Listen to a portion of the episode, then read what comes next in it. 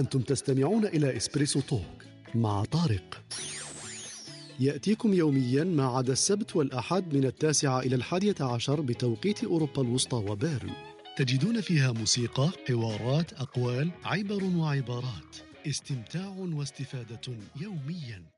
هذوك ال- ال- الناس وهذوك الأشياء وهذيك الأهداف اللي أنت تسميها بصح هي نسبية غير في الحياة تاعنا donc هنايا وين الإنسان إلا حط الله سبحانه وتعالى ما بينه ما بين روحه عنده une bonne chance أنه يسلك. هذه هي وإن شاء الله نزيدو نكمل. الله الله عليك يا حميد. أنا حميد صاحبي صح. أنا حميد بلا بيه ما نقدرش نهضر ما نقدرش نحضر ما نقدرش نسمع ما نقدرش ناكل ما نقدرش نحيا. تلقى واحد ممكن تتعرف عليه اليوم تعود تشتيه تت- تعود خفيف عليك تعود كأنك تعرفه من قبل. كاينة واحد آخر ممكن تقعد معه سنوات يبقى ثقيل على قلبك. وهذا يبين أنه كان هناك تلاقي في عالم الأرواح. لا تسقني ماء الحياة بذلة بل فاسقني بالعز كأس الحنظل ماء الحياة بذلة كجهنم وجهنم بالعز أطيب منزل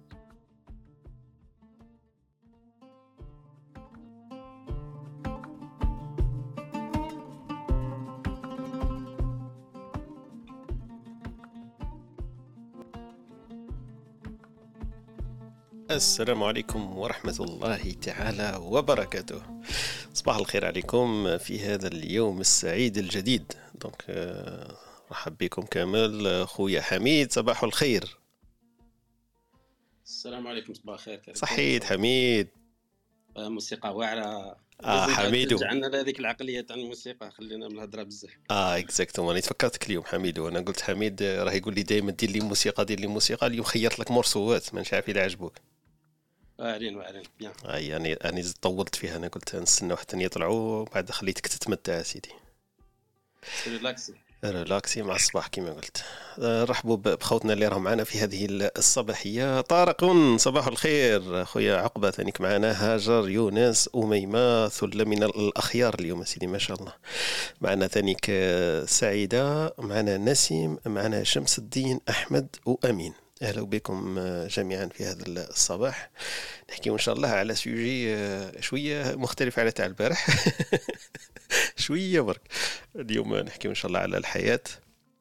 نحكيو آه، ما هي الحياة وفلسفيا وعلميا ودينيا وكاع اللي حبيتهم ونحكيو آه، ماذا يمكن أن نتمتع ولا نستفيد من الحياة. نحكيو على جمالية الحياة إن شاء الله ونحكيو لماذا قاعدين رانا حيين والحياة التعيسة والحياة السعيدة وإن شاء الله نكونوا من السعداء سيدي دونك آه، هذا ال- البرنامج تاعنا الصباحي إن شاء الله. نحكيو فيك ذلك على الكبسولة الثقافية اللي جينا إن شاء الله مع خطنا وهبه في أمثلة شعبية من التراث والثقافة ال- الجزائرية في موضوع الحياة ولا في مواضيع تختارها خطنا وهبة.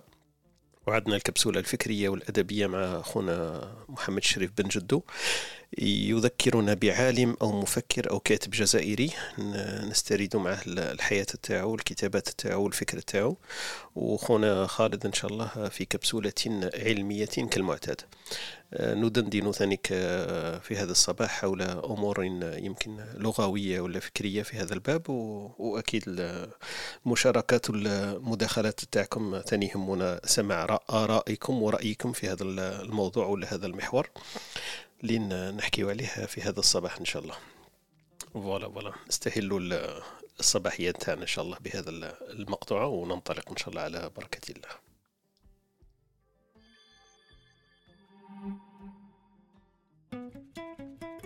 أنتم تستمعون إلى Espresso Talk مع طارق. يأتيكم يوميا ما عدا السبت والأحد من التاسعة إلى الحادية عشر بتوقيت أوروبا الوسطى وبيرن. تجدون فيها موسيقى، حوارات، أقوال، عبر وعبارات. استمتاع واستفادة يوميا. فوالا استماع واستفادة يوميا. إن شاء الله تكون الاستفادة والاستماع أكيد. حميد أنا خايف نسقسيو من بعد الجماعه يقولوا لنا الحياة هانا حيين وصايي وهنا عايشين. علاه الناس تاعنا يحبوا يقولوا أنا عايشين. اليوم اليوم اللي ما هدرش فلسفة ما يزيد يهدر كاع. أنا نشوف فيها أنا كل واحد يقول ومن بعد في الأخر يجينا واحد اليوم نديروها على السبعة تاع الليل. أنا خايف لا يجيني واحد يقول تفلسفوا تفلسفوا على بالك راني ندير لاشين عندي خمس سوايع ونستناه نقولوا له على واحد قلنا على الحليب. ونبقى حي.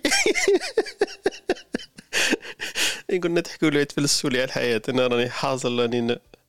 ودي صح الحياة أنا ساعات كيما قلت يجيك واحد التخمام تقول الناس اللي راهم حيين هنا وحيين لهيه وحيين في كل بلاصة قاعدين حيين فينا mais هذه ماشي هي الحياة أنا في بالي هذه راهي راهم عايشين كما يقولوا صح؟ ماشي كيف كيف الحياة. donc الواحد كي يحكي عليها منظور فلسفي الحياة حاجة مليحة و positive وكاع. بصح اللي يقول لك أني عايش عرب باللي راهو كيما نقولوا راه راهي combatté راهي ي essayer باش يبقى حي ماشي حياته عنده.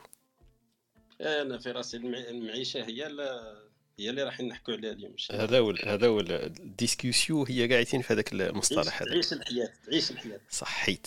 donc تعيش الحياة اسمع كاين واحد slogan تاع جيزي واحد الوقت يقول لك عيش la vie عيش la vie ah c'est vrai سمعتوا هذه. باش ما يقولش عيش الحياة لازم عيش la vie مع جيزي. صح. صح الواقع ما نتاع les mots كي تقول لهم إحنا في بلادنا عندهم واقع واحد آخر. كي تقول لواحد c'est la vie هذيك كان هذيك chanson هذيك تاع c'est la vie c'est la vie كي يغنيها لك هكذا واحد يقول لك c'est la vie مش كيما يقول لك هذه هي الحياة. تسمعها الحياة عندها واحد الواقع وكي تسمعها c'est la vie عندها واحد الواقع واحد آخر. اليوم نستناو إن شاء الله بالك يطلع معنا خالد وهيبة ثاني كي يتحفون في أكيد في المداخلات تاعهم في موضوع الحياة والمعيشة والعيش. دونك نسيو ندندن حولها وننطلق في صباحيتنا إن شاء الله بإذن الله. التحق بنا اخونا خونا كمال الحريزي أهلا وسهلا بك. وخونا سيمو وأحمد كذلك التحقوا بنا. نرحبوا بهم في هذه الصباحية. يا الله يا كريم. طارق ما عارف اذا عندك؟ ما تقول اطلع معنا صباح علينا في هذه الصباحيه احكي لنا شوية على الحياة من من جهتك و. من البقعة التي أنت فيها. donc إذا كاين كاين اختلافات وتفسيرات وتوضيحات نحكيو فيها إن شاء الله. طارق فم فم انطلق معنا شوف أو أو, أو عيش la vie طارق سير. صباح الخير طارق. السلام عليكم صباح الخير. صباح الخير طارق. تعود متحوفه هكذا كي يكون طارق طارق وبيناتهم واحد حميد. باز عليك طارق. ça va الحمد لله واش راكم نتوما لاباس؟ والله الحمد لله. طارق la vie والحياة. كيف كيف ولا ماشي؟ كيف كيف؟ هذاك قول لي مع صباح ربي مازال ما شربش الإسبريسو جاي تدوخ فيا انت الحياة في الجزائر ولا في برا في l'étranger fort هذه. مليح هذه طارق. حياة راك في الجزائر. ولا في في l'étranger آه يا روح ألقاها أنت. كيف حميد؟ تقول لي طارق ما يفهمولهاش. ها وطارق فم فم. عطاك التفسير الواضح الناطح. كيفاش؟ قلت لك فلسفة اليوم ديرها ها كيفاش؟ أنا يعجبوني الطوارق. الطوارق عندهم هاد عندهم هاد المصطلحات فهم فهم يقولوا شوية بصح يفهموا بزاف. طارق يقول لك الحياة la période بنادم اللي يعيش على الأرض. donc دبر راسك كيفاه تعيش هذه أفكر. دبر راسك.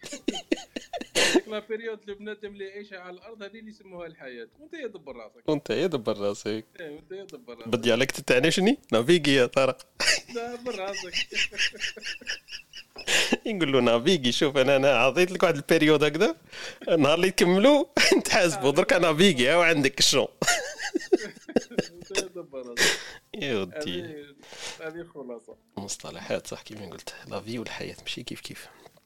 voilà voilà mais حنا positif en général الناس كي يحكيو على الحياة يقول لك c'est c'est positif هي صح فيها شوية بالك الناس يشقاو فيها فيها تعب فيها أمور كذا بصح أكيد هذاك même اللي راه يشوف فيها positif moment donné فيها شوية تعب. ماشي كاع اللي رانا نقولوا زعما لاباس عليه وعايش la belle vie هذه بالفرنساوية تبان شوية باينة. la belle vie هذيك ماشي قاعد الناس من من اللي يزيدوا حتى يموتوا la belle vie ما كاينش منها مش كاينش أنا واحد عنده la belle vie هذه اللي نسموها الحياة السعيدة من نهار اللي يزيد حتى اللي يموت. يقول لك يقول لك certains certains يقول لك la vie c'est la lutte voilà إيه. لازم لازم شوية تكافح لازم combatté هذيك. صح صح. و des fois ت lutter باش ت lutter ثاني باش ما, ما, ما كيما نقولوا ما, ما يجيكش بزاف الملهيات المغريات هذيك في الحياة donc ثاني هذيك la belle vie des fois ت combatté ها الناس بزاف تقول لك la lutte تحسبها بلي ت lutter contre تعجبني اليوم أنا. المعربة أقول لي قاعدين نخلوها منا حنايا الحوايج الكفاح وكذا. و la lutte. باينة. عندهم هما la lutte. على بالك طارق اللي مش par hasard je suis en train de de traduire un site OK. راني نترجم في واحد ال site. français عربية. donc على بها على بها راك راك مقابل DeepL ولا مقابل translator وراك عقابها مال. هيا مليح. مليح مليح. donc الخوالي اللي التحقوا بنا نحكيو إن شاء الله ندندن على محور الحياة. نحكيو ماذا يقال فيها وعليها.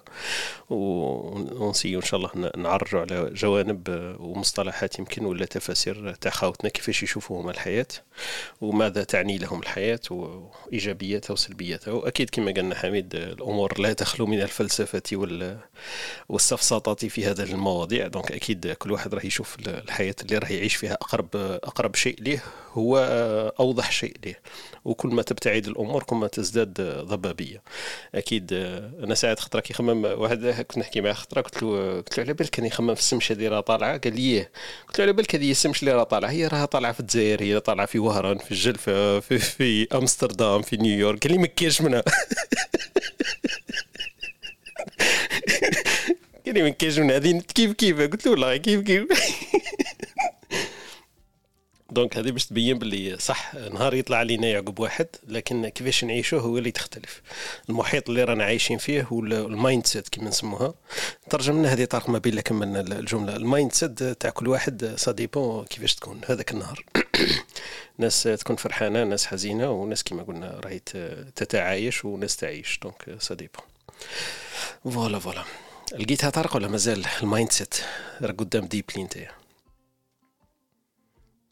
أصبر راضي شوية. إيه يعني شوف وبال anglais لازم تبدلها français يديرها anglais والعربية تعاود تبدل تعاود ترجعها. ولا ولا نرحبوا بخوتنا اللي التحقوا بنا ما بين لقينا ال mindset أختنا أختنا صفوة خونا محمد التحق بنا نسيمة أهلا وسهلا بكم في هذا الصباح. معنا كما قلنا سعيدة و كمال حاريزي أهلا وسهلا بكم. نسيم أحمد. معنا كمال الدين. أهلا وسهلا بك كمال الدين. معنا مهدي يونس. اخونا عقبة صلاح كذلك. معنا أميمة وهاجر. أهلا وسهلا بكم جميعا. نحكي وندندن في هذا الصباح حول محور الحياة. وكل واحد المعنى كما قلنا والمغزى من الحياة والهدف تاعو من الحياة. وكما قلنا نسييو كيفاش نفسروا الناس. كيفاش؟ ال mindset آه ال mentalité بصح بالفرنساوية هذه بصح بالغال... بالأغبية كيف تقول لي؟ العقلية. آه. ذهنيه كما قال ذهنية c'est vrai. بصح تبان ثقيلة كي تقول هكذا تقول على حساب ال mindset تاع كل واحد وعلى حساب الذهنية تاع كل واحد؟ oui tu peux dire صح الذهنية تبان شوية عميقة. الذهنية تبان لك شغل محتمه عليك. ال mindset تبان لك شغل انت اللي متحكم فيها ولا لا؟ صح بالجزائريه c'est العقلية. العقلية يمكن إيه. بالعقلية بالجزائرية خلاص لازم بصح نديرو بين قوسين بالجزائرية ليست بالعربية. صح على حساب العقلية ولا على حساب يا ودي كاين كلمات صح كي تقولهم يفسروا واش تحب تقول. ال mindset على حساب انت واش راك داير في راسك العقلية اللي راك تمشي بها نزيدوا لها زوج كلمات واحدة آخرين. العقلية اللي راك تمشي بها انت ولا اللي تخمم بها voilà voilà. donc كيما قلنا اليوم يعقب كيف كيف على الناس كامل تقريبا 24 ساعة معيشة مختلفة ولكن على حساب الظروف والعقلية و voilà والوضعية تاع الإنسان في هذاك اليوم. كاين عقبها سعيد كاين تعيس وكاين بينهما وكاين اللي مش حاس به هو سعيد ومش فايق بالسعادة وكاين اللي تعيس وتلقاه يضحك وفرحان. donc هذوما الأمور اللي إحنا اليوم يمكن نسييو نعرجوا عليهم وأكثر شيء حابين نسمعوا برك تجارب ولا خبرات تاع الناس تاعنا كيفاش كيفاش يشوفوا هما ولا بالأحرى كما قال لي حميد الأمور لا تخلو من الفلسفة. غادي غادي نديروا لها الجملة هذيك تاع غادي نشوفوا فلسفة كل كل إنسان في الحياة. هكذا ندخلوا فيها الإنسان والحياة والفلسفة مع بعضها فلسفة كل إنسان في الحياة. هذا الصباح نسييو ولا نجرب أن ندندن حول هذا المحور. voilà voilà. مانيش عارف حميد تحب تعطينا طارق ما حبش يعطينا طارق قال لي أنا في الجزائر الحياة وال برا la vie طارق بصح الفلسفه تاعك في الحياة كيفاش؟ طارق طارق هذه ما فيهاش ترجمة لازم تحكيها direct طيبة هذه ما لقيتهاش أنا شفتك قلت أنا تقصي هذاك عمك اللي راه جوجل ولا مش عارف يسموه أنا نسميها خالتي ويكيبيديا. تقصيد جوجل قال لي ما تكونش لا ما نسكنش هنا.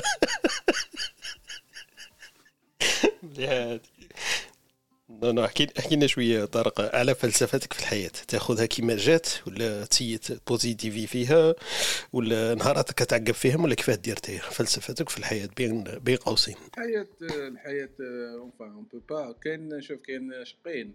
كاين المسير وكاين المخير. أها. كاين الجانب المسير المسير يعني. ربي واش كتب لك كيما نقولوا حنا المكتوب. والمخير أنت واش تراسي حياتك وأنت واش دير الأهداف نتاعك. okay tout simplement بصح طارق حكينا على طارق. أنت الشق اللي راك مخير فيه ولا تسيي t'positiver فيه تي راك تشوف فيه باللي voilà راك كيما نقولوا في الوقت هذا اللي عقبته قاعدين ça marchait كيما راك انت حاب ولا comment ça marchait pour toi هكذا؟ حنا toujours on essaye on عارف حنا دائما نجربوا باش نكونوا ولا باش نديروا واش نحبوا ولا نديروا واش نكون متراسيين ولا ويبقى جانب كيما يقولوا جانب التوفيق ولا جانب المكتوب وجانب كاين بزاف أمور عوامل اللي تدخل في هذا في هذا الجانب هذا. كاين اللي يقول لك أنا اجتهدت اجتهدت اجتهدت وربي ما وفقنيش وما نجحتش وما هكذا. وكاين اللي يقول لك le hasard qui fait le bonheur يعني كان يقول لك أنا أنا, أنا مانيش عارف ما فقت لقيت روحي هكذا. إيه كاين أمور عدة يعني على حسب la situation تاع بنادم. كاين اللي يقول لك أنا ما ما حبيتش نكون أنا هكذا. أنا ما كنتش مطراسني نكون هكذا جاب ربي هكذا شغل donc. كل واحد كل واحد كيفاش وكاين اللي يقول لك يا ودي أنا شقيت أنا عييت أنا خدمت أنا souffrيت أنا أها. أنا كافحت أنا أنا جاهد أنا درت. و la réussite تبقى la réussite. بارك الله فيك يعطيك الصحة أخونا طارق في هذا المداخلة الصباحية. نفوت يمكن الحميد حميد فلسفتك في الحياة وماذا قيل في فلسفة الحياة بالأحرى؟ آه، فلسفة الحياة هذه هي السؤال التالي من المفروض. هذا هو التالي على بالي إحنا نبداو به صباح وعلى بالي ما نكملوش حتى نكملوا نهارين وما عارف على بالي نattaquيو شوية قبل parce que على بالي صعيب وطويل بزاف. لا est-ce que نقدروا نهضروا على الحياة بلا ما نهضروا على الموت. بوكيسيو هذه نقدروا parce que واحد ما شاف الموت واحد ما شافش كاين في الموت واحد ما يشوفها حتى يتصرى له هو donc ما نقدروش نحكوا على حاجة ما نعرفوهاش. أنت كيما هذاك اللي قال لهم آه، الموت ما كايناش. كي نكون أنا كي نكون أنا حي. ما هي- ماهيش كاينة وكي نكون ميت مش كاينة. صح في الطرفين ما يشوفش هو الموت. تاع الصح يسمع بها كي يكون حي. بصح كي يكون ميت واحد ما جاب لنا الخبر اسكو يسمع بها يشوف الحياة يعاود يشوف من الجهه الأخرى ما يشوفش كاع ما تبانلوش كاع الحياة تبان له ينبلاك هذه وشكون اللي يقدر يقولها لنا حميد؟ هو قالها بالفرنسي كونت جو سوي لا لا مور ني با لا كونت كونت جو سوي مور لا جو سوي بلو لا ستادر ما كاش كيفاه ما كاش كيفاش تاخذ مليح والله مليح. كمل الدين. كمال الدين درك يعطينا معادلة رياضية كيف يسموها سكريبتية يدخل لنا درك في الجافا يعطي لك فورميل يقول لك فونكسيون هذه والفاريابل. كمال الدين مع الفاريابل تاع الحياة تاع اليوم. صباح الخير عليك. كمل راح يقول لنا الحياة هي كي كي تأليني زوج ديب. نريق نريق الميكروفون. دقيقة. صح. دير كيتمان ما فيها آه يا مزينك يا قبيلة كمال آه يا مزينك يا قبيل دوك تبان لك طالع في هليكوبتر أو بزاف الاسبوتش وهكذا هكذا. راك فتحت الباب تاع الهليكوبتر باش نسمعوا فيها. هكذا خير تفضل. اي OK. Bon راني شوية مشغول قاعد نروح في أي لحظة. بصح كي سمعت عبد الحميد يحكي genre ما كاش كيفاش sujet شباب. آه شفت كيفاش؟ يعرف كيفاش يستفزك يعرف كيفاش يصيد. حكي لنا الفلسفة تاعك في الحياة بلا ما ندخلوا في ال variable و fonction erreur و... و ligne 23 erreur و... آه، bon كيما قال لك عبد الحميد جر ما تقدرش تحكي على الحياة بلا ما تقدر تحكي على الموت je pense que شاطرة الراي آه، وعلاش parce que bon on cherche toujours la finalité حنايا ل- ما كاش آه، كيما نقولوا ما تقدرش تعيش الحياة pour moi ماشي c'est تقدرش تعيش الحياة بلا معنى وهذاك المعنى لازم تكون عنده une finalité هذيك la finalité حتكون عندنا في la religion تسمى في الدين آه، كي وعلاش رانا عايشين وكيما نقولوا المصير النهائي تاعنا اللي هو الموت. تسمى الحاجة الأولى اللي نبدأوها؟ كاين أنا personnellement الحاجة الأولى كي نبدأها؟ باش كيما نقولوا نسطروا الفلسفة تاع الحياة تاعنا هي نشوفوا la finalité اللي هي الموت ونخمو فيه وكيفاش حنوجدو له. donc هذه هي premier point deuxième point ما باش إذا خويا طارق familiarisé مع الفلسفة يسموها الرواقية. آه درنا عليها صباحية كاملة صاحبي. عندها deux كيفاش- épisodes ولا حكينا على الرواقيه يوم الجمعة اللي فاتت. شوف اسيدي آه تما راحت لي. عندنا واحد البودكاست واسمه ستوديو تيري تي دوت اف ام كي تجوجليه ولا تروح لابل بودكاست ولا جوجل بودكاست ولا سبوتيفاي طابي برك ستوديو بوان تيري وكتب مسميها طارق. هكذا يخرج لك ولا دير ستوديو بوان تي وكتب مسميها بودكاست يخرج لك تاعنا نورمالمون مكتوب اللوجو الله الاحمر هذاك. الله اعلم خويا طارق البارح درت سبسكريبشن في آه جوجل شفت كيفاش. تستعرب بك انت انت انت بون سيتويان انت مواطن صالح وموهوب يعطيك الصحة. non non كملنا في الرواقية كمان معليش. إيه دوك آه، كي تحكي على فلسفة الحياة أنا هذاك ال principe تاع الرواقية في التعامل في الحياة هذيك تسمى تعجبني بزاف ال- ال- جر الرواقية كيفاش تعامل الحياة.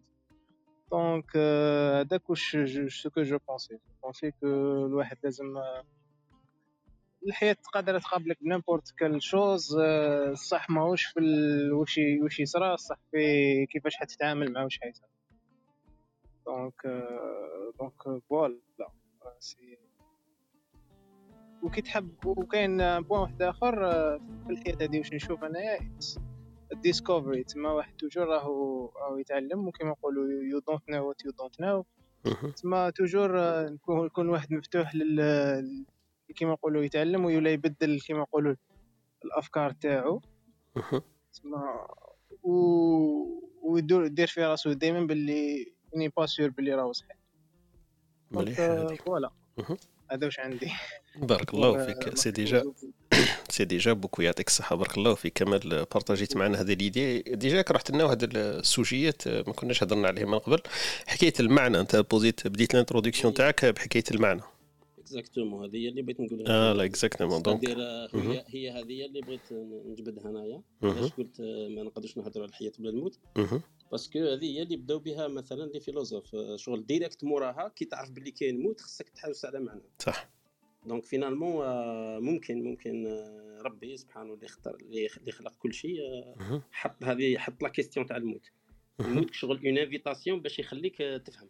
parce que كون ما كانش الموت كيفاش حتقدر t'imaginer باللي تصيب معنى ولا ما تصيبش صح مم وهذه هي اللي قلعوا منها كاع الفلاسفة يقلعوا من هذه. حتى الله يبارك حتى في الفيلسوف تاعنا كمال الدين انطلق منها سيدي آه، الله. direct direct parce que كاين اللي كاين اللي prédisposé للفلسفة c'est clair. تاع الصح donc بصح كاين كاين حاجة اللي ماركيتها بغيت. نبارطاجيها معكم. تفضل. كي وليت ندير في انستغرام les résumés تاع الكتوبة. كانوا يجوني des messages هكذا en privé يقولوا لي علاش ما تهضرش على على على ألبير كامو l'absurde ومن بعد شفت باللي كاين في الجزائر c'est vrai بزاف يقراوه parce que bon généralement la dépression totale direct ما هي يقراو الواقع. هي يدبرسوا الواقع. كاجلا آه، تحير تحير ومن بعد شغل دوك أنا فهمت باللي كاين شغل الكتوبه هذوك. généralement يبداوك شغل شايعين. شغل كيما. نقولوا marketing fort. لي هما ما مش باغيين يديروا لهم marketing ولا لا لا كاع les pages. وكاع الناس وكاع. لي انفلونسور اللي autour du livre. كي كي كي يقولوا باللي قريت هذا الكتاب ولا شغل يشيع بشوية. هذا. كي يولي يشيع؟ شغل شفتها باللي من هذيك الطريق شاع هو ومن بعد شاعت الفكرة تاع ألبر كامي تحديد. تصوف أنه كي يهضروا على على la philosophie تاع ألبر كامي يهضروا عليها بواحد ال- الاستخفاف تحسها باللي باللي باللي شغل soit راهم vraiment راهم d'accord معاه. وهذه تخوف vraiment. وفكره العبثية هذه وال absurde شغل vraiment شغل تخوف. كي. تجي تشوف كي تجي تشوف ألبير البير. كامي كيقول لك أه؟ nihilisme nihilisme آه كي دوك كي تشوف آه nihilisme c'est نيتشه plutôt mais mais c'est-à-dire هذا l'absurde هذه. c'est-à-dire يقول لك باللي علاش علاش c'est-à-dire علاش علاش نعيش كون ما نصيبش la raison يسمى هي اللي اللي تهبل وعلاش انسان هذه هي la question اللي تهبل c'est-à-dire وعلاش الانسان يشد في الحياة هذيك malgré خطرات des conditions extrêmes كيما كيما يكون esclave كيما يكون مريض كيما يكون محبوس. بصح يبقى دائما يحارب باش يعيش وهذه هي اللي يحاولوا يحوسوا يفهموها. ومن بعد شغل البير كامي يقول لك وعلاش وعلاش نعيش وأنا مانيش فاهم علاش نعيش؟ أنا مانيش باغي نكلخ روحي مش باغي ندي إيديولوجية هكا وندير شغل incertitude c'est-à-dire حاجة sûre ونقول باللي غير معليش معليش مانيش فاهمها بصح هي هذيك هي. شوف قال في حاجة اللي من أخطر الأشياء كاع اللي هي الحياة والموت. كيفاش أنا نقدر نخاطر بال بال هكا بالمصير تاعي وبلا ما نفهم. تسمى الفكرة تاعو خطرات تديك لل suicide تسمى إنسان vraiment يفكر مليح قادر يقول علاش ما يسويسيديش. parce que c'est la même chose فات puisque ما كاينش raison علاه نعيشو وعلاش أنا متشبثين بهذه الحياة؟ même هو يبدأ من هنا ال postulat تاعو. donc اللي بغيت نوه لها أنه بزاف ناس ممكن يقراو البار كامي mais ماهوش فيلسوف اللي يدوه باستخفاف. parce que vraiment إلا تقرا الكتوبة تاعو يدخلوك في واحد l'état psychique واعر شوية. donc il faut faire attention هذه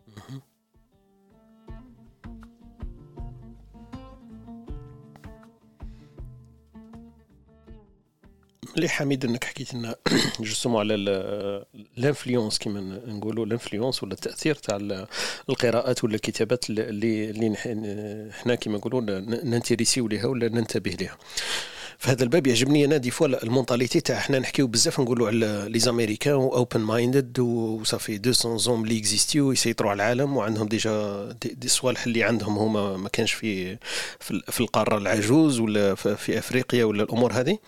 mais la langue تاعهم في بالي ثاني عندها واحد ال influence بزاف كبيرة. تشوف par exemple les bouquins ولا les livres اللي يحكيو على la vie ولا joie de vie اللي تلقاه عند les Américains وهالصوالح ثاني تلعب دور تلقى واحد ما يقراش كاع الكتب تاع مؤلفين أمريكان.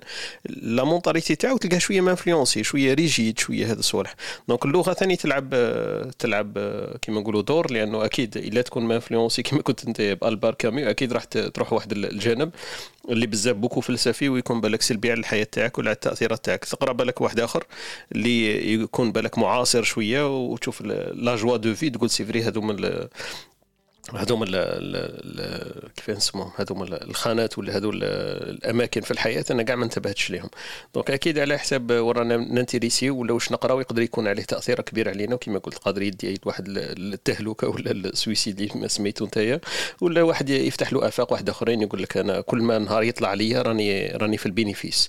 ما كنتش داير حسابي بلي نعيش غدوة هذاك النهار وما كنتش حاسب روحي نعيش هذا العام. donc voilà هذوما قاعدين راني نزيدهم في, في ال compte à rebours تاعي باللي c'est des bénéfices ماشي راني كومباتي ولا نعاني ولا نشق la vie تاعي. même اللي يدير هذوك الأمور إحنا يبانوا لنا من برا شاقين لكن هو يدير فيهم avec joie parce que هو ويتشبث بالحياة. la question اللي نعاودوا نرجعوا ليها من بعد لماذا؟ كما قلت أنت لماذا الناس رغم المعاناه والشقاء تاعهم هذاك اللي بان إحنا مازالوا متشبثين بالحياة. ما كانش أنا واحد يقول لك كما قلت أنت يدخل سجين ولا يعاني. يقول لك خلاص أنا ما حبيتش نكمل الحياة بالعكس تلقاه صابر و50 سنة و40 سنة لكن مازال مازال متشبث بالحياة. هذيك الرغبة في الحياة لماذا؟ أكيد فيها حاجة سر الإنسان مش عارف أنا اللي يقدر يعبر عليه بكلمات ولا بالتفكير تاعو لأنه أصلا راه عايش في وسطه donc يصعب التفكير فيه ولا التعبير عنه. donc هذا هذا الفلسفة. تفضل يا. أكيد يا تفضل. كاين كاين واحد المثل يقول لك تعرف الأمور بأضدادها. صح.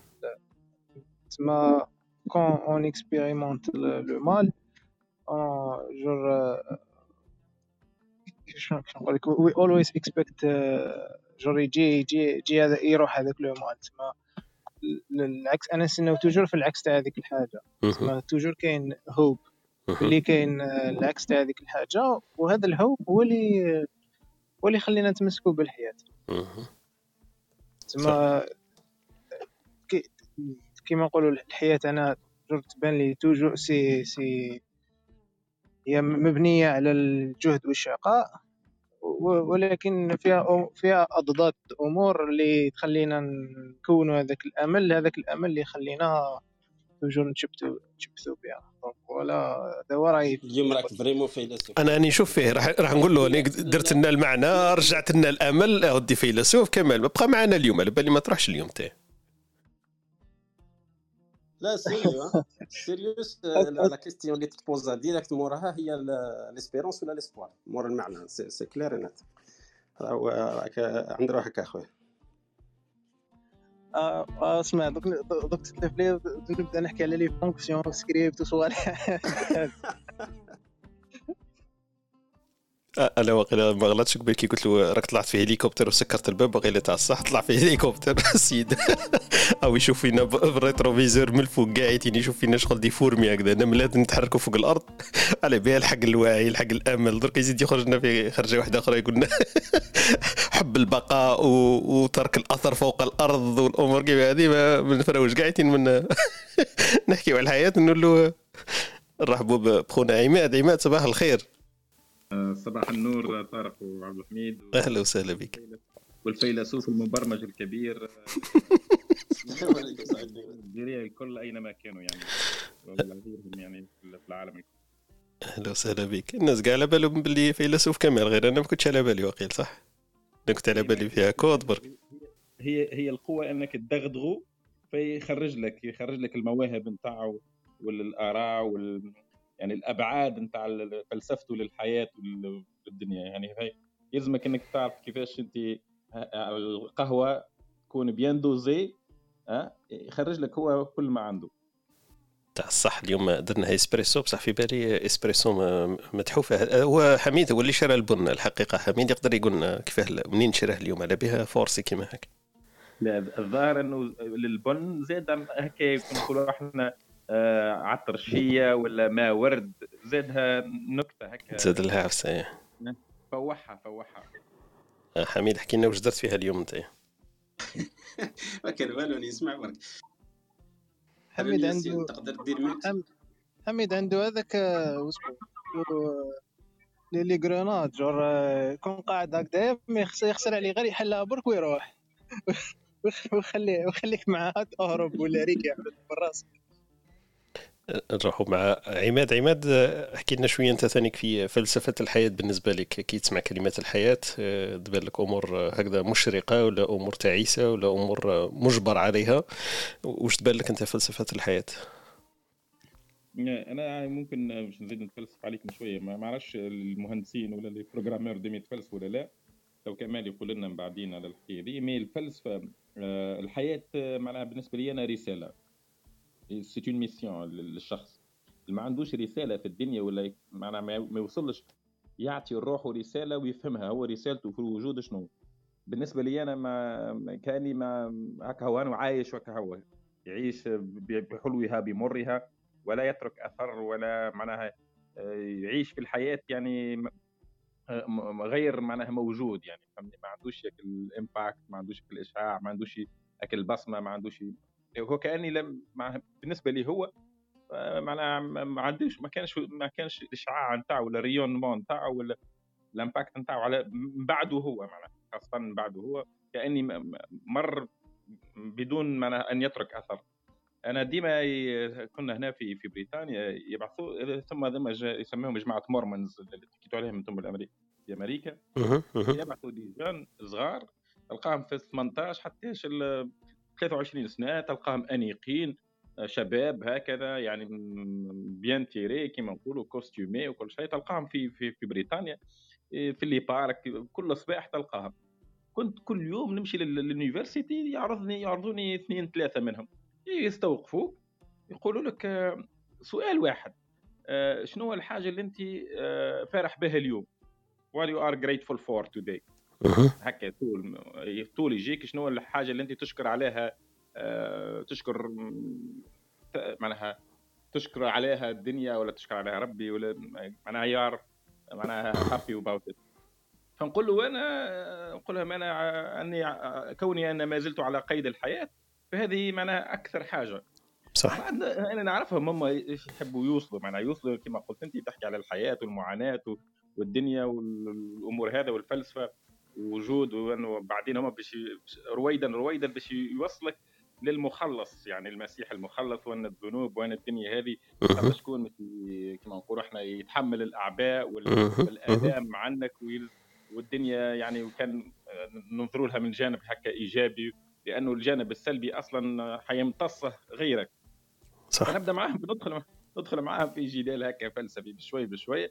ونبدأ نفسر لهم أنا إيش معناها يعني الوجود راهو يعني هل هو الوجود عبثي أو هل هو الوجود يعني آه، لا إرادي؟ نقول لهم يعني أنت أنت موجود الآن هل أنت اخترت أنك تكون موجود أم لا؟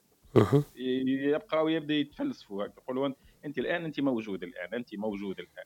لو لم تكن موجود لما طرحت هذا السؤال أصلا يعني.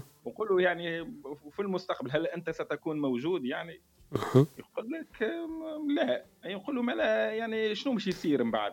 طول نهزه لل- لل- للجانب الثاني نقول له تصور انت شنو شنو ممكن يصير. كما ما نعرفش كان الناس يتفرجوا في ياسر هذا خاصة ال- ال- النقاشات الفلسفيه مش فلسفية هي دينية ما بين مثلا أحمد ديدات لو ستيل نتاع أحمد ديدات وغيرهم. يبدا يتحاور معاهم في الوجود وأصل الوجود وماهية الوجود وغيره مثلا رويدا رويدا تبدا تفسر له إنه كل حاجة عندها عندها معناها معناها نقولوا انها بيربس يعني عندها ثم غاية وراءها صح. يعني آه، وبعدين تبدا تفسر له تقول له أنت هل كل الغايات يعني يعني نفس الوزن نفس القيمة نفس الأثر؟ يعني أنا نجم نعمل الخير يعني كيما نجم نعمل الشر. يعني تتصور أنت معناها كي نواصل في الشر ولا نواصل في الخير يعني يعني الإمباكت نتاعو والتاثير نتاعو والاثر نتاعو عليا ولا على حاجة مش يكون نفس نفس الشيء. إذا كان في النهاية والنتيجة وال, وال يعني لا ريكompense هي بيدها فعلاش نتخيروا في في ال- في في الثنايا نتاعنا؟ تبدأ عاد تفسر له معناها إنه إنه معناها من جانب عقائدي إنه إنه كل شيء عنده راهو معناها ريورد نتاعو. وعنده كذا وما, يتسماش واحد يتحمل الام على على واحد آخر مش معقول مش منطقي. آه، تدخله حتى بال بال هو معناها. باش تفسر له إنه الحياة هذه عندها عندها معنى والإنسان كما قلتوا أنتم المعنى وقت تكبر المعاني تولي رسالة. المعاني تولي رسالة رسالة آه، قوية. إنك متشبث بها انت تعمل الخير إنك تنشر علم إنك تبني شيء إنك تكون ناس إنك آه، نعرفش أنا تغير الجهة نتاعك. ترفع راية بلادك ترفع راية الأمة تعمل تعمل شيء ما عمل ما سبقكش به واحد من قبلك. يعني أنا يعجبني حتى شو اسمه المتنبي يقول شو اسمه المعري يقول إن كنت الأخير زمانه لآتي بما لا تاته ال- ال- الأوائل. آه، يقول لك إذا إذا ما ركبت إذا ما طمحت إلى غاية يقول أبو القاسم الشابي إذا ما طمحت إلى غايه إلى غاية معناها حاجة كبيرة. ركبت المنى ونسيت الخطر. يعني ركبت المنى ركب الموت يعني ركب ال... وأنا ونسى الحذر يعني ولا مندفع. وهذاك يخليه الإنسان يعطي يعطي بعد آخر أعمق بكثير من أنه يكون إنسان مستقيم ولا يكون إنسان سعيد ولا يكون إنسان يعني آه، يتعامل بالحياة بكل معناها هكا آه، سلاسة وبكل تقبل وقابلية لا ريزيليونس يسموها في الحياة ما يكون أبعد من هذا الكل. طبعا ما نزيدش نتفلسف عليك برشا هنا كمال الفلسفه بما فيه الكفايه آه، نقول لكم يومكم طيب يومكم سعيد وهني في الاستماع معكم. شكرا. بارك الله فيك خويا عماد. عماد انت طرقت لنا les mormons هذو. نعطيك شوية واحد المعلومات parce que أنا درستهم مليح وعندي معلومات طلع شوية عليهم هكذا باش تقدر تعرف ت- تواجههم أكثر من اللي من اللي راك ما شاء الله أعطيت لهم كما نقولوا الرد الوافي الشافي. هما صح عندهم هذيك 18 شهر اللي حكيت عليها أنتم عندهم هما كخدمة عسكرية على بالك أي واحد يكون داخل في الديانة هذيك تاعهم ولا ال secte هذيك تاعهم عليه لما يبلغ 18 شهر أن يقدم خدمة لل- للكنيسة تاعهم هذه ويروح في سفر خارج المدينة تاعو وعندهم مorganisé ينها كالعسكر كال militaire تاع الصح. سنتين من عمره يروح يؤدي الخدمة هذيك للتبشير هم يسموها تبشير. وعندهم ال- اللي حكيت عليه أنت هذاك ال- المنقذ. عندهم واحد ال- ال prophète تاعهم مش هو برك Jésus هذا يعتقدوا بواحد آخر يسموه جوزيف سميث. وجوزيف سميث هذا هو اللي اكتشف واحد الصفائح ذهبية مكتوب فيها الإنجيل الحقيقي آه، في واحد الغابة. وهذيك الصفائح يسموها ال- الكتاب تاعهم يسموها Bible de Jésus de derniers jours عفسك من هاك فيها derniers jours مش هاك كيف يسموه. وعندهم آه، التهجير صار لهم واحد التهجير لما كانوا secte هكذا اعتقدوا هما في الولايه تاع يوتا هي العاصمة تاعهم في الامريكان وشنو هي الأخرى اللي عجبتني فيهم؟ ما يشربوش مثلا الكحول. أنا الناس اللي خلطتهم هنا ما يشربوش الكحول وما يشربوش حتى القهوة. الإسبريسو إحنا اليوم ممنوع عليهم هما مثلا. هذوما ال mormons الكحول والقهوة وعندهم واحد العاش العفسه هذا سبب وحده هذا سبب وحده كافي أنه مش راح نبدا mormon.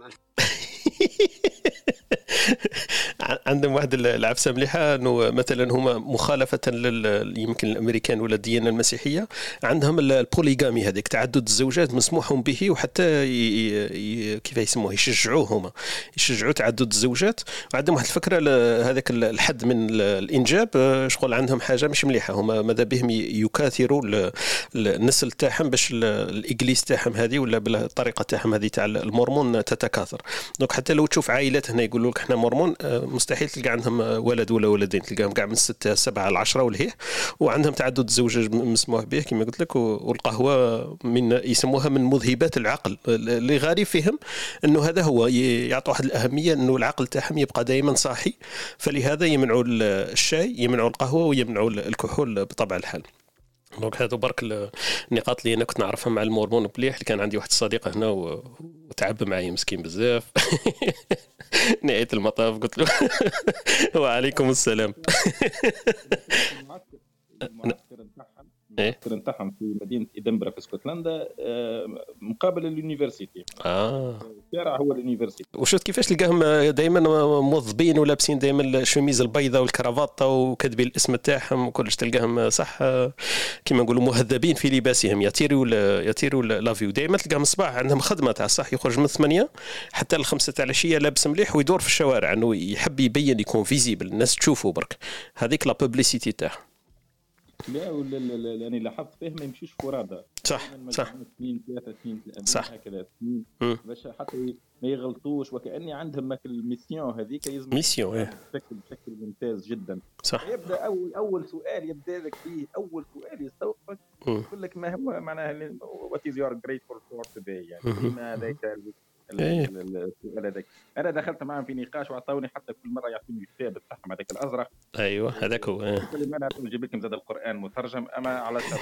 تقراوا وأنتم نقراوا أنا أنا نقرأ لكم أحيانا هكا دي باساج وأنتم تقرأوا دي باساج ونتناقشوا. ما ثم حتى يعني عرفتهم كلهم. قلت لك جازرنا كاملة كما قلت أنت كل مرة تتصادف مع واحد ولا اثنين منهم صح. اثنين منهم هكا يا اما يكونوا بنات يا اما يكونوا أولاد. ما يتخلطوش أنا أنا صح. ما يمشوش أولاد مع بنات إيه إيه ما يتخلطوش. صح صح. عند عندهم شوية هذاك الأمور كما إحنا في, في الدين تاعنا شوية محافظين في الدرجه عندهم واحد الحاجة نسيتها إنه هما مثلا هما اللي بوساو العلم هذا العلم تاع يسموه la généalogie بوساوه إلى درجات آه، كما نقولوا كبيرة بزاف بزاف.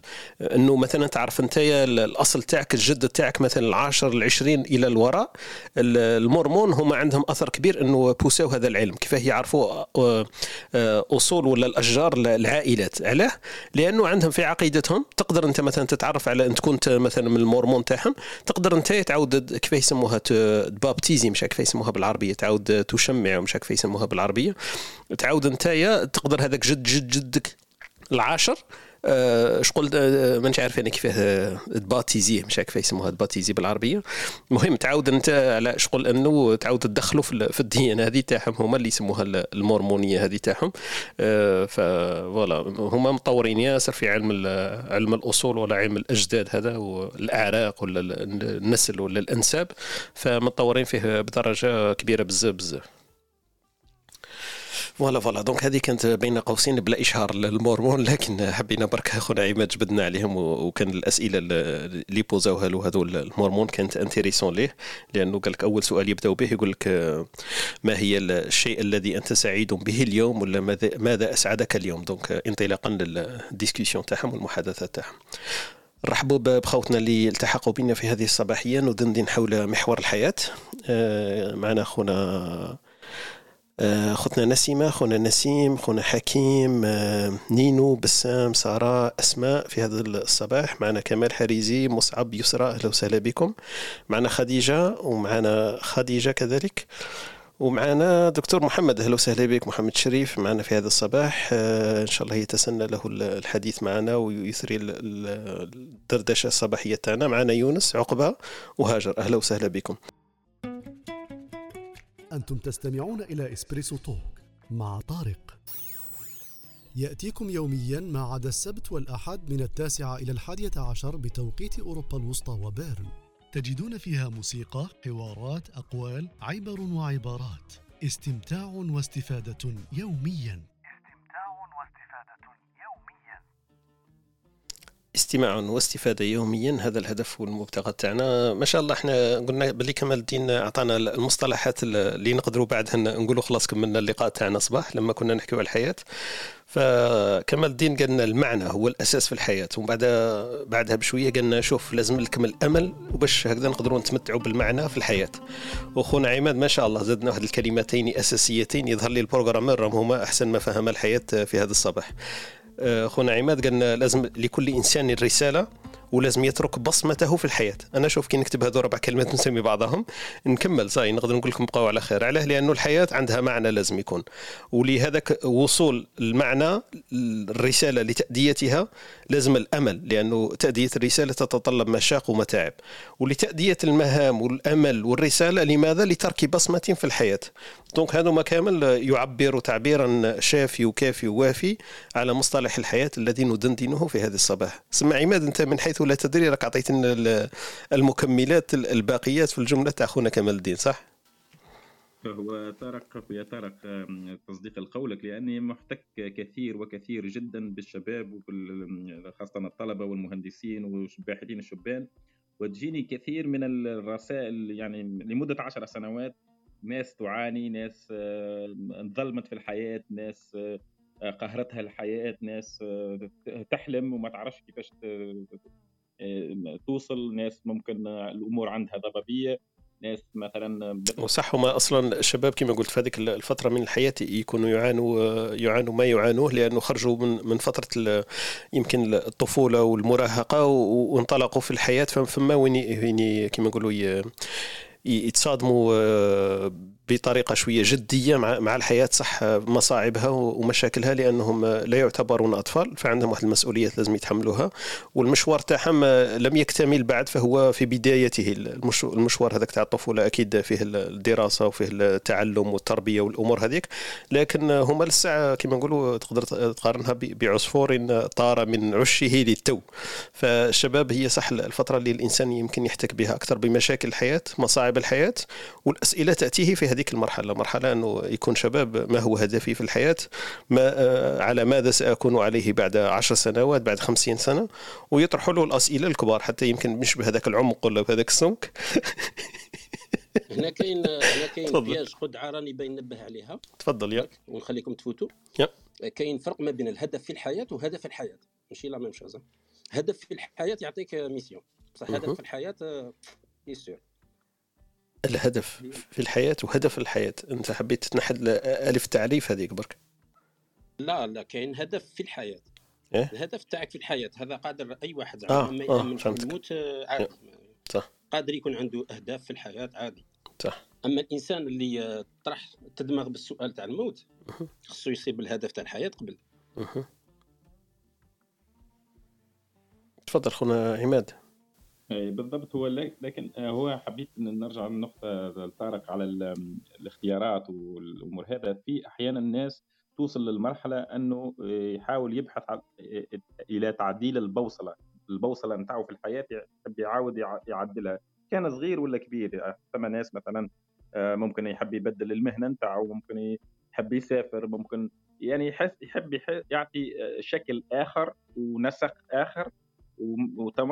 وصورة أخرى للحياة نتاعو فأحيانا ما ما يعرفش هو آه، الإيجابيات والبوتنشال اللي هو في الحالة اللي هو موجود فيها. فيتلقاه يبحث على شيء ثاني آه، كأن هي عملية ممكن فيها فيها الأمل فيها تصور معين لكن هو أصلا ما ما استنفذش جميع الخيرات ولا الإيجابيات ولا الإمكانيات اللي هو أصلا محيطين به. وما وماهوش قادر يا إما يستوعبهم أو يفهمهم أو يستغلهم باستغلال جيد بشكل أنه يمهد لنفسه باش يرتقي لك الجانب الثاني ولا الهدف الثاني في الحياة كما قال عبد الحميد مش هدف الحياة الهدف الحياة هو مجموعة أهداف. وذاك نكتلمهم من بعد أنت معناها ممكن أنك توصل لك للرسالة. فهذا من الناس أحيانا لازم تعمل معها كأني جلسة نفسية أكثر منها جلسه تقييميه علميه للموجود. فأنك تحب ترجعه وتقول له أنت آه، ما هو الهدف نتاعك؟ لو لو تمشي في هذا التمشي آه، شنو اللي يكون من بعد ومن بعد ومن بعد؟ فلما ترجعوا لك الهدف السامي في الحياة وللهدف الأكبر من هذا الكل يبدأ يشوف أنه يقول لك آه، فيه في في إطار اللي أنا عايش فيه فيه أيضا هذا من ال ingredient فيه أيضا هذه من العناصر اللي أنا ممكن أنا أستغلهم وممكن يعطيني دفع أكثر وممكن يولي عندي أكثر من هدف الهدف هذا اللي كنت أنا حاطه ونحلم به يظهر OK achievable يعني ماهوش مش حاجة حاجة مستحيلة. الوقت ذاك يولي معناها الإشعاع في محيطه ماهوش حتى تقبل وإنما بقناعة وبعمق وبفهم اللي موجوده حتى ولو كانت الحياة ضنكه حتى ولو كانت الحياة صعبة يعني قادر أنه من الصعوبة هذيك ومن الألم هذاك يعصر شيء إيجابي ويخرجه يستعمله ويمر المرحلة الثانية. والثانية مراحل كالسلم دائما تطلع. كما يقول أينشتاين يعني الحياة كالدراجة. يعني كيب بيدلينج يعني ديما حرك حرك الحياة يعني ما ما تركدش يعني ما ما, ما تبقاش في مرحلة الانتظار ولا مرحلة التأمل والتفكر حتى تتقوقع. لا تتقوقع في الحياة الحياة خذها كما هي. خذ الحياة كما جاءتك مبتسما في كفها الغر أو في كفها العدم. يعني في كفها الغار أو في كفها العدم. يعني خذ الحياة هكذا بإيجابية كما قال الفيلسوف الكبير ورجع معنا كمال الدين. يعني آه خذها بأمل ببساطة وإن شاء الله آه أيامكم زينة يعني. وشكرا.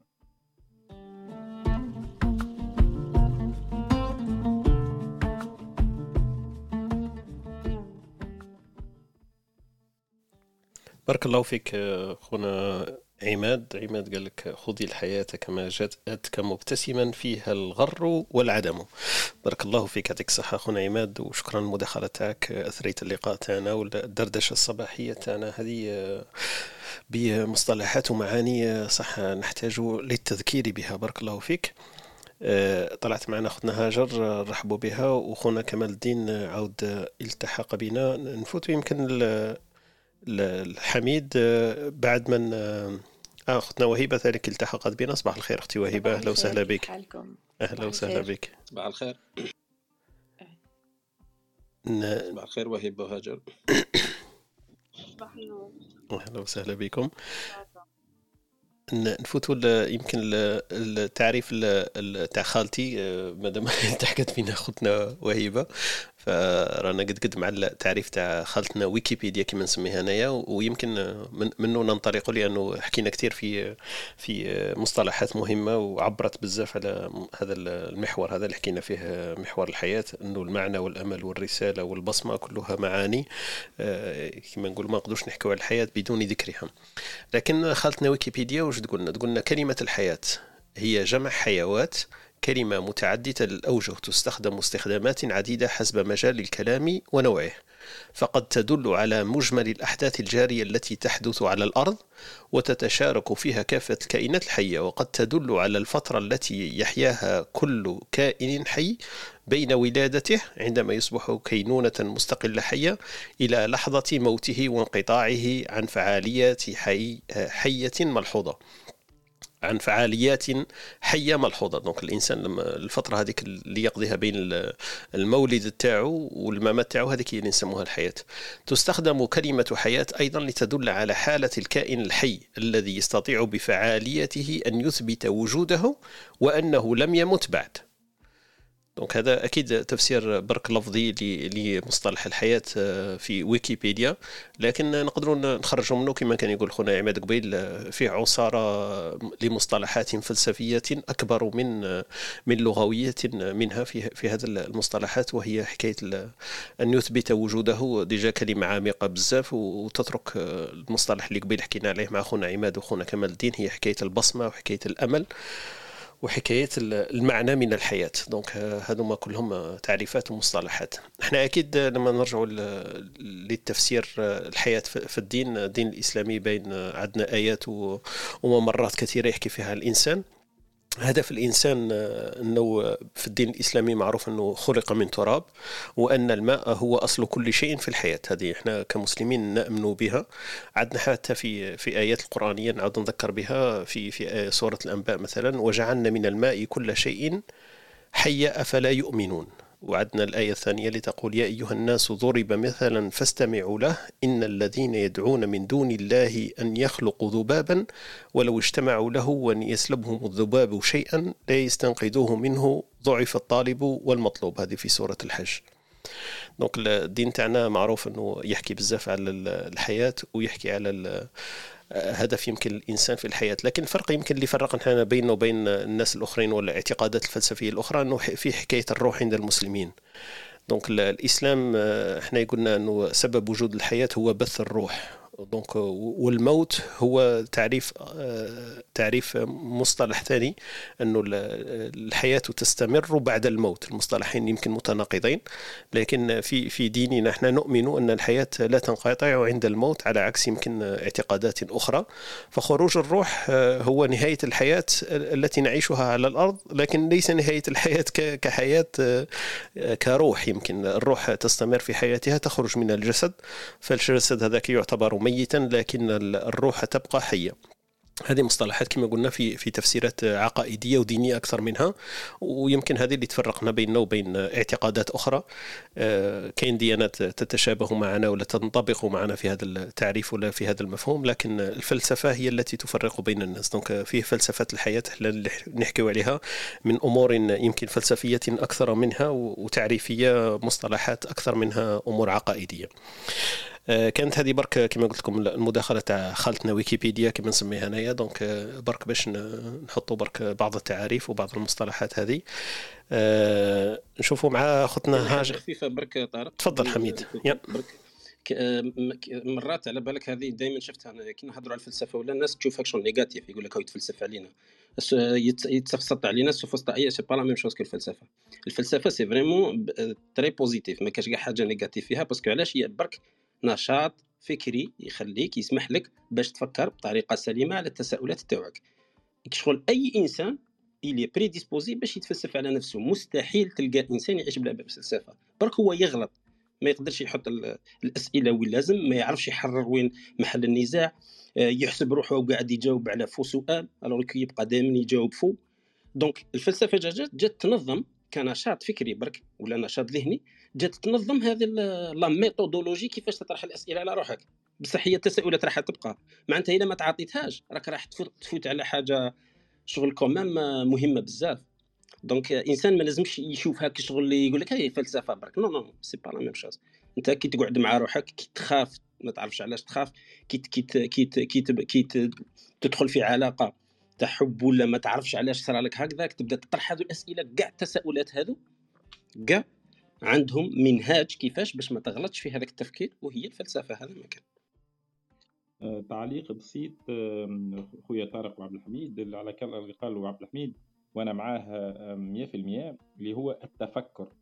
يعني أنا التفكير والتفكر ودائما التفكر التعمق التعقل النظر دائما موجوده حتى في الفاظنا الدينية أنه يدعوك إلى إلى التأمل. آه، قل سيروا في الأرض فانظروا. آه، أفلا تعقلون؟ أفلا أولي الألباب من هم أولي الألباب؟ هم الناس اللي ينظروا بعمق هم الناس يعني المعاني الفلسفية أصلا هو في التفكر بعمق آه، تطرقت أنت أخويا طارق للمعنى الديني الحياة إحنا الحياة ثمة الحياة الدنيا والحياة الأخرى ولا الحياة العليا الدنيا في في التفسير حتى الاصطلاحي ما هو يعني دنا من الأرض يعني مستوى منخفض ومستوى عالي يعني كأني الحياة two stages two levels يعني مستويين مستويين بالمعنى الاصطلاحي القياسي يعني فيه مستوى الأول ثم المستوى الثاني يعني deux niveaux كما نقولوا نحن حتى بقطع النظر على معنى هل هو الحياة الدنيا هي هي تحضير للآخرة ولا هذاك ما غير ندخل في حتى في المعاني يعني كيف يعني الحياة العليا هي بناء للحياة الدنيا وما الحياة الدنيا إلا متاع الغرور يعني في نهاية المطاف يعني هي هي تحضير للثاني. لكن ما ندخلش في هذا لكن حتى في الاصطلاح وفي في التعريف اللغوي دنيا وعليا دنيا وأخرى يعني يكون هو الحياة كما قلت آه، سلم مستمر هو سلم مستمر فيه الحد الادنى وفيه ما حد اسمى وهذاك يعطيك انت بعد حتى الهدف كما هدف وجودي آه، ابعد من الدنيا والعليا يعني يكون يقول لك همه المرء يعني همه همه المرء الهمه ما هي همتك في الوجود وحكينا يعني أكثر الناس اللي نظروا في الأمور هذا سواء اتهموا بال بال بال بالزندقه أو بالكثره التفلسف مثلا ناخذ آه، المعري المعري كتب في يعني كتب شعر يعني شعر ممتاز جدا في معاني الحياة في آه، يعني حتى في حتى التعامل مع الحياة. شوف اقراوا عليه في الأبيات نتاعو خفف الوطأة آه، معناها يقول لك حتى تمشي في الأرض خفف الوطأة فإن فإن أديم الأرض من عهد عاد يعني يعني ما كنش الأول واحد ولا آخر واحد يعني حتى كي تمشي لا تمشي بغرور ولا تمشي كذا لأنه هذه الأرض لو لو تحدثت لأخرجت لك من من من من القامات ومن غيرها ما ما ما, ما لا تعرفه. فينظر هو بعد الأثنى من هذا. شوف حتى في الشعر الجاهلي يعني الحياة بمعنى عزيزة أن الحياة كريمة يعيش الإنسان بكرامة يعيش كما قال آه، كمال الدين آه، بعزة بأمل. آه، لو تقرأوا لامية العرب يقول لك وفي الأرض منأى للكريم عن الأذى. وفيها لمن خاف القلاء متعزل. لعمرك ما بالأرض ضيق لعمرك ما بالأرض ضيق على امرئ صار راغبا أو راهبا وهو يعقل. يعني في الأرض نجم أنا فيه الحياة تختار حياتك من يخاف من ال... من هذه المعاملات السيئة من الحسد ومن غيرها. يلقى يلقى في أين يعتزل منها. يعني يلقى ناس آخرين يلقى إطار آخر. وليس في, في الأرض يعني آه يعني أي واحد يحب. سواء راغبا أو راهبا يعني سواء هو متعقل بإرادة وبتفكير أو أنه إنسان مضطر فالحياة تستمر بهذا أو بذاك. وشكرا لكم.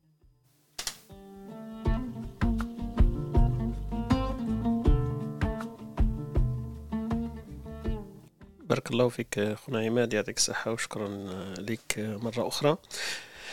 خونا كمال الدين عندك ما تضيف قبل ما نفوتوا لخوتنا وهبة المداخلة تاعها الصباحية تفضل خونا كمال الدين. طيب عندي برك تدخل بسيط في وش قال خويا عماد. بارابول الاهداف تاع الحياة بون نظن باللي كاين حاجة تقدر تكون في فيما يخص المعنى أكبر من الأهداف اللي هي تبني قضية. كيفاش تبني قضية؟ معناتها الإنسان كي يتبنى قضية مهما يكون النوع تاعها قادره تكون كاين ناس تبنى قضية في البيئة كاين ناس تبنى قضية أخلاقية كاين ناس تبنى قضية قضية قومية. هذا التبني قضية يقدر يعطي معنى ويقدر من هذه القضية يكون عندنا بزاف الاهداف donc donc voilà هذه الإضافة تاعي. donc وش يقدر يجيب أكبر معنى هو تبني قضية. بارك الله فيك. كان قلت لك كمال الدين اليوم راك راك فيلسوف الصباحية تاعنا تاع الصباح. السؤال اللي قبل طرحه لنا يمكن حميد قال لك قال لك كاين فرق بين هدف في الحياة وهدف الحياة. أنت كيما قلت لنا هدف في الحياة جاوبته يمكن عليه قلت له لازم تبني قضية. تبني قضية واش يفتح لك؟ يفتح لك الآفاق لأمل ولرسالة. donc هذوما زوج يكون عندك أمل ورسالة لما تكون متبني لقضية في رايي أنا وعلاه انت دير هذوما قاعدين باش تخلي بصمتك في الحياة وت... وت... وتعطي معنى لوجودك أصلا. donc هذوما قاعدين مصطلحات ما شاء الله تاع الصباح. voilà. هذه اللي نحكوا عليها. من بعد باقيين في الهدف في الحياة. صح. ما طلعناش هدف exactement هدف إن شاء الله. exactement exactement donc أكيد راح نواصلوا الدندنه تاعنا في حوارنا ولا في حديثنا اليوم حول محور الحياة. ندندن حوله. أكيد عندنا الكبسولات الثابتة اللي تتحفنا بها أختنا وهبه في الكبسولة الثقافية بأمثلة شعبية من التراث الجزائري. وعندنا الكبسولة الأدبية والفكرية مع الأستاذ محمد بن شريف لما يتسنى له ذلك يذكرنا بعالم كاتب أو مفكر جزائري. وخانا خالد إذا تسنى له ذلك ثاني يطلع معنا في كبسولة علمية ويدردش ولا يدندن حولنا معنا حول هذا المحور اللي نحكيو فيه اليوم اللي هو محور الحياة. دونك أهلا وسهلا بكم كامل الخوة اللي التحقوا بنا نرحبوا بهم معنا وصول معنا أيوب معنا محمد أهلا وسهلا بكم. معنا الوناس معنا حفصة معنا اليزيد أستاذ يزيد أهلا وسهلا بك. أخونا اليزيد مرة كان جاب لنا المؤلفات تاعو تاع 100 قصة قصيرة جدا. ما شاء الله. معنا أخونا أحمد معنا ذكرى معنا نسيبة معنا سليم معنا نيمو معنا أسماء يسرى وكلثوم معنا الاستاذ محمد ومعنا ومعنا الدكتور سيمو يونس وخديجة أهلا وسهلا بكم. اللي راهم طالعين معنا ثانيك معنا هاجر وكمال الدين وعماد التحقوا بنا في هذه الصباحية. اختنا وهبة اي معنا دكتور سيمو دكتور سيمو برك جربت نطلعوه mais ما قدرتش. OK حاول يحاول مرة واحدة أخرى يمكن نطلعوه معنا. donc هاجر كيف تحل المايك من شافي لا كيف درك؟ تقدري تطرحي السؤال؟ نعم راني واجدة. آه، أوكي راكي أقل من خمس دقائق سيدي أهلا وسهلا بك. وبكم أه يعني أنا حسيت بلي كنتوا تهضروا في مستوى شوية عالي. أنا راح نهبط لمستوى بسيط يعني سؤالي راح يكون بسيط. هو إحنا متفقين إنه الحياة عندها أه بعد أه يعني بعد ما بعد الحياة بعد أخروي. هذا راح يخلينا يعني تكون عندنا أهداف يعني بصف سواء من انطلاقا من ديننا أو انطلاقا من فطرتنا أنه عندنا أهداف مؤجلة في الحياة. آه، حتى أهداف ما بعد حياتية مثلا. ولكن كيفاش ندير أنا التوازن ما بين أني يعني الهدف أحيانا لازم تضحي من أجله. كيفاش ندير التوازن بين أني نخدم على الهدف تاعي هذاك اللي راح نحققه بعد عشر سنين ولا خمسة سنين ولا عامين ولا آه، ما على باليش قداه على حسب الهدف ولا حسب الوقت تاعي. وما بين إني نعيش نعيش يومي يعني يومي في حد ذاته يعني باش ما نكونش أنا بعد مثلا عندي هدف بعد خمسة سنين صح نكون حققت الهدف صح نكون الخمسة سنين الخمسة سنين هذوك تاع. وأنا رايح باش نحقق الهدف ما عشتش ما عشتش الخمسة سنين هذوك يعطيك الصحة أختي هاجر سؤال رائع آه، أنا أنا اللي يستحضرني درك يقول لك آه، عش لي لآخرتك كأنك تموت غدا وعش لدنياك كأنك تعيش أبدا صح؟ وكاين هذيك ثاني يقول لك لا تنسى نصيبك من الدنيا. أنا في بالي صح هو الهدف الاسمى هذاك قد يبرر, يبرر المصاعب ويأخذ منك التركيز والجهد وكاع. لكن في, في طريق السير تاعك ما تنساش انك تلتفت يمينا ويسار آه، آه، كما نقولوا تستمتعي بالحياة ثانيك رغم انه عندك هدف راكي ماشية فيه. donc أنا نتخيلها كلي واحد مفواياجي وال voyage هذاك طويل بزاف راه في السيارة تاعو عنده 5000 كيلومتر يقطعها. لكن كل مرة لازم له يدير l'essence لازم يريح ياكل يشرب يرقد كاع. فمسيره الحياة لو نمثلوها بهذا التمثيل البسيط يمكن آه، voilà. كرحلة طويلة جدا في سيارة متعبة لكن لازم لك تاخذي قسط من الراحة لو تلقاي موسيقى ولا دايرين معرض تحبسي تتفرجي. وتكملي المسير تاعك انت عندك البوصلة تاعك لكن في في خضم المسير ما لازمش الإنسان أنه ينسى أن يعيش. هذه شوية كما قلتي انت بالك آه، صعب التحقيق وصعب رؤيتها كل يوم لكن أنا نشوف هذه هي لازم الإنسان يتمتع بالحياة لأنه كل ما تتمتعيش وما تعتنيش انت بنفسك وذاتك وجسمك وكاع ما تقدرش تواصلي هذاك الجهد تاعك تاع 10 سنين باش توصلي للهدف تاعك. وهذه يمكن نخلي خاوتي الأخرين يدخلوا يمكن يعطوك أجوبة أكثر شفاء من من وش قلت؟ نزيد نزيد تفضلي. نقطة واحدة أخرى في السؤال. تفضلي يعني آه وأنا ماشية في في طريقي هيك. وقتها نعرف بلي هذا الشيء نقدر نأجل يعني هذا الشيء إذا ما عشتوش الآن نقدر نأجله إلى ما بعد.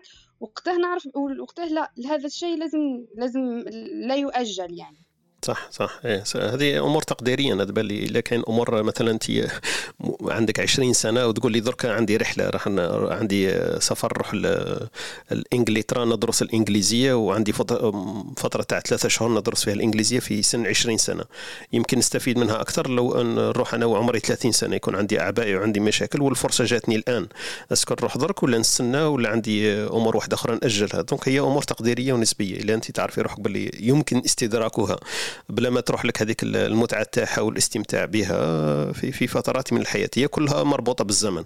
donc الأمور تقديرية على حساب الزمن وتبقى لك انت. قال إلا مثلا ما تفرجش فيلم تاع نتفليكس اليوم اسكو نقدر نتفرجوا الأسبوع الجاي؟ لأنه هذه أمور تاع تاع حياة ماهيش ماهيش تخدم الهدف تاعك. أمور ترفيهية راح نديرها اليوم ولا بعد سنة ولا بعد ست شهور. لكن الفرق يختلف انه كيف انت تستمتع بها؟ تستمتع بها اليوم ولا تستمتع بها بعد ست شهور؟ هل يختلف؟ وهل تستفيدي انت من هذاك الراحة اللي تاخذيها درك ولا من بعد؟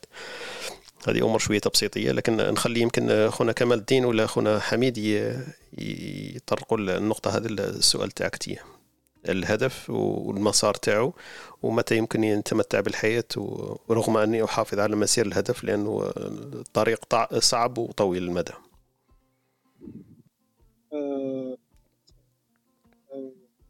دخل خويا حامد معليك تفضل تفضل كمال الدين. آه OK merci. bon par rapport لواش قالت هاجر je pense je pense كان عنده علاقة بالراحة النفسية تاعها. bon إذا درت. درت اسقاط على على what I'm experimenting in life أنا واش نشوف؟ زعما par exemple أنا عندي كيما نقولوا long road طريق طويلة في الحياة. كاين واحد المثل يقول لك نترك المشاكل تاع غدوة الغدوة أنا.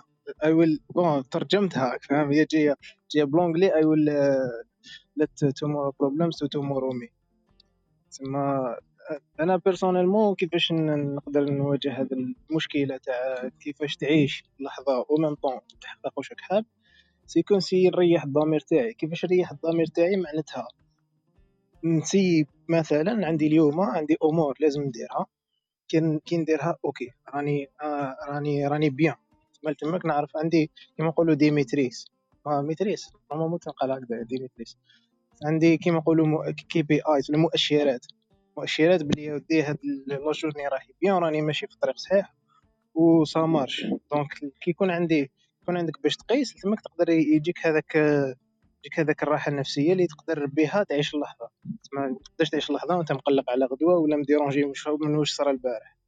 donc donc لازم يكون أنا pour moi لازم يكون عندي KPIs مؤشرات اللي نقدر بهم نقيس. واش حيصرا؟ واش لازم ندير؟ وبناء على ذلك لازم نقسمهم كما نقولوا زعما عندي la journée تاعي باش نحس فيها الراحة. تسمى نحقق هذوك عندي نحقق هذوك الأمور اللي لازم ينداروا و même temps إذا صرا إذا صرا كما نقولوا حاجة غير متوقعة ن essaie نواجهها. ن essaie نواجهها. ونتعامل معاها ون ajuster ون ajuster ونكون واحد يتصالح مع روحو. donc voilà. هذه هي tout simplement. شحال في عمرك كمال الدين؟ أنا؟ إيه. من سيزون ما نسألوش ما نسألوش على العمر الرجال ما نسألوهمش على عمرها ما نسيت أنت القاعدة؟ لا لا لا est-ce que t'es d'accord مع هذه المقولة اللي يقول لك avant 20 ans je avant 30 ans je vis après 30 ans j'existe avant 20 ans je vis. Avant 30 ans je vis après 30 ans j'existe je pensais pas. parce que قد قادر نموت من قبل 30 سنة دونك لا لا لا كيما تموت نسبية قول له قول له نسبية على الصباح الأسئلة قول له نسبية. نتمناو نتمناو قول له ما كل تموتش واحد كل واحد كيفاش أنا جاتني. كل واحد ويمتى يكون على حسب عقله على حسب طريقة تفكيره. يعني كاين اللي يكون رزين وإنسان يتفكر في أي شيء يدير وي ويفكر في أي خطوة ممكن يديها في الحياة. وكاين الإنسان اللي يكون يمشي على هواه يعني. وممكن كما يقول لك حتى الأربعين باش يستعقل وكاين اللي ما يستعقلش كاع. آه، donc آه، المهم ما تسألنيش على عمري عبد فهمت الحميد فقط. أنا ما فهمتش أنا ما فهمتش كيفاش كيفاش كيفاش المعنى تاع جو جو إكزيست. جو في بالك فهمتها بصح. جو اكزيست ما جي با كومبري يسمى يكون عندك تدبر في ال- في الحياة مور ال- ما خلاص تولي تشوف الوجود تاعك قدامك. الانا على هذيك تاعك. شغل راك داير وحدة مع مع حياتك تبان لك كلش بيان. يبان لك كلش هذاك هو. ومن بعدك شغل تولي جامي يا خويا حميد جامي لا كان كلش هو. هو بيك ما لحقتش ولي 30 بيك ما لحقتش داير 30 وحدة مع روحك ما عندكش مشكلة. ماكش ماكش شايف روحك. راك شايف؟ تبداك شغل أنت والحياة كيف كيف؟ ما كاش شغل ما كاش فارق بيناتهم. ومن بعد يبداو يبانوا لك الشوفات. إيه هما الشوفات لازم يبانوا إيه إيه قلت لك هذا خويا لا حتى ما باليش أنا. قادر دوكا نكون نمشي هكا راني برا قادر دوكا ندخل فيا طوموبيل نموت الله يرحمك. لا لا لا لا مانيش نهضر على هذه ها. لا لا بعيد الشر إن شاء الله. يا ودي في في في أحسن الأحوال زعما.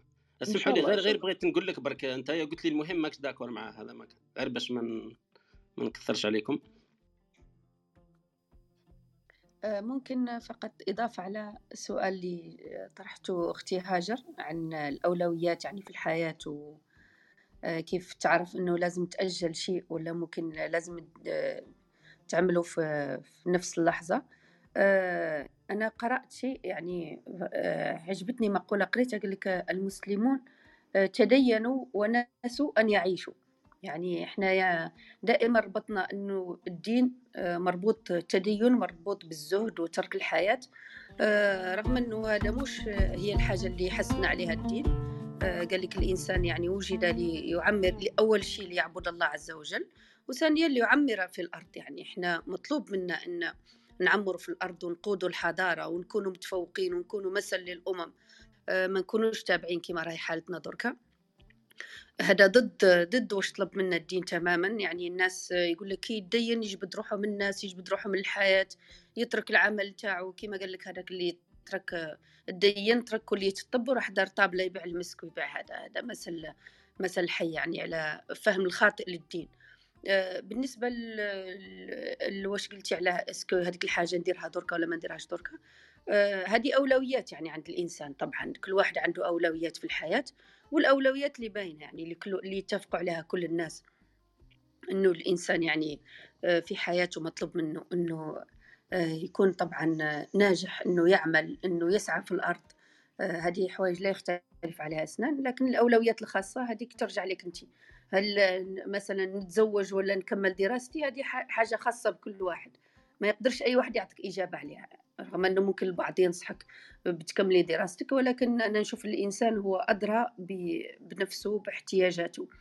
آه، آه، حاجة جميلة فقط حبيت نسأل عبد الحميد إذا هو موافق عليها. ونرحب بالأخ عماد اسمح لي لأني قلت صباح الخير باحتشام لأني اليوم حسي آه، عندي شو- شوية سعال وهذاك آه، ال- المقولة اللي قريتها قال لك ما فات من الحياة هو حلم وما هو قادم هو وهم. إذا توافق هذا الرأي ولا والو. شكرا. ممكن برك نقول تدخل سريع تفضلي طبعا. بارك الله فيك وهبة هذه هذه النقطة اللي كنت حابة نوصل لها كي طرحت السؤال. إنه ال- ال- ال- الإسلام مش باش ننسو إن نعيشو. لأني كنت حاسة الحوار رايح إلى هذا يعني رايح شوية في هذا ال- في هذا السياق. لهذا سألت السؤال آه، وبالنسبة لسؤال آه، عبد الحميد قبل 30 وبعد 30 آه، أعتقد بعد 30 أيضا جو في راني نعيش. سمعت يا حميد؟ بعد أسمع. 30 ثاني جوفي أنا شوف أنا ندير لكم واحد الخلبطة لغوية هذيك تاع تاع الناس ساعات أنا نضحك عليهم لكن أنا ساعات تصرى لي إنه واحد ياخذ لك كلمة من كل بستان. هذه كلمة مليحة لما نسمعوها كلمة زهرة من كل بستان لكن في في في الهضرة لما يكون واحد يهضر تصرى خلوطة. فمنها الخلوطة اللي درتها لكم. دركا يقول لك عيش la vie and keep paddling heute und morgen.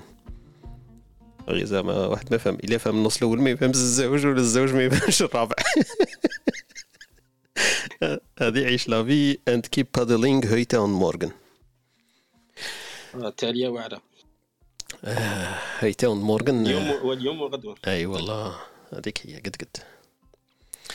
voilà voilà نكم كملنا حميد في في ما قالت وهبه السؤال اللي طرحته لك ومع واش كتقول لنا هاجر ثانيك في ال- في السؤال إنه ال- الحوار لما نحكيو على الحياة ينقلب سريعا ولا بسرعة إلى ال- إلى الأمور العقائدية الدينية وننساو الحياة يولي عندنا الهدف الموت والعمل لحياة أخرى وهذوك الأمور. والسؤال تاع أختنا وهبه واش كانت تقول لك؟ قالت لك الأمل والحلم آه، لما ينقضي الأمر آه، تسرى أمور آه، وهم وم- وما يأتي فهو. ما فات حلم هو قادم وهم. آه voilà هذا هما. تفضل يا تفضل حميد. لا هذاك تاع وهبه برك هذاك المقولة تاع ال moment présent زعما بصح شغل شغل الهضره اللي تسيت ت choquer ال- ت choquer الدماغ باش يقدر يفكر فيها برك. بصح هي شغل كي تجي كي تجي تشوفها تحطها pratiquement مش راح تلقاها باللي دائما 100% juste parce que الإنسان justement par la mémoire تاعو مثلا آه، اللي فاتت ماهيش حلم و و par la conscience تاعو وت- والتطلعات تاعو للمستقبل مش راح يكون وهم.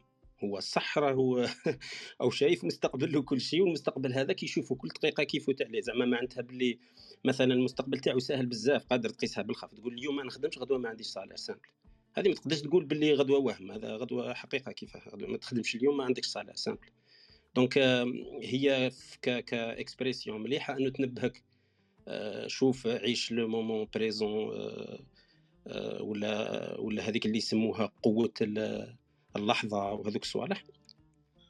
وهذه شغل فلسفات هكا تقريبا أنا نشوفها شغل مليحة مرات الإنسان يستعملها باش باش يفطن خطرات يكون يكون عايش حاجة مليحة. هو هو عايش في في خوف تاع شا راح يصرى له ولا في تحسر ما شافاته donc c'est normal تعاون الإنسان كيما هكا. بصح باش تكون 100% juste ونستعملوها tout le temps أنا مانيش شايفها هكذا.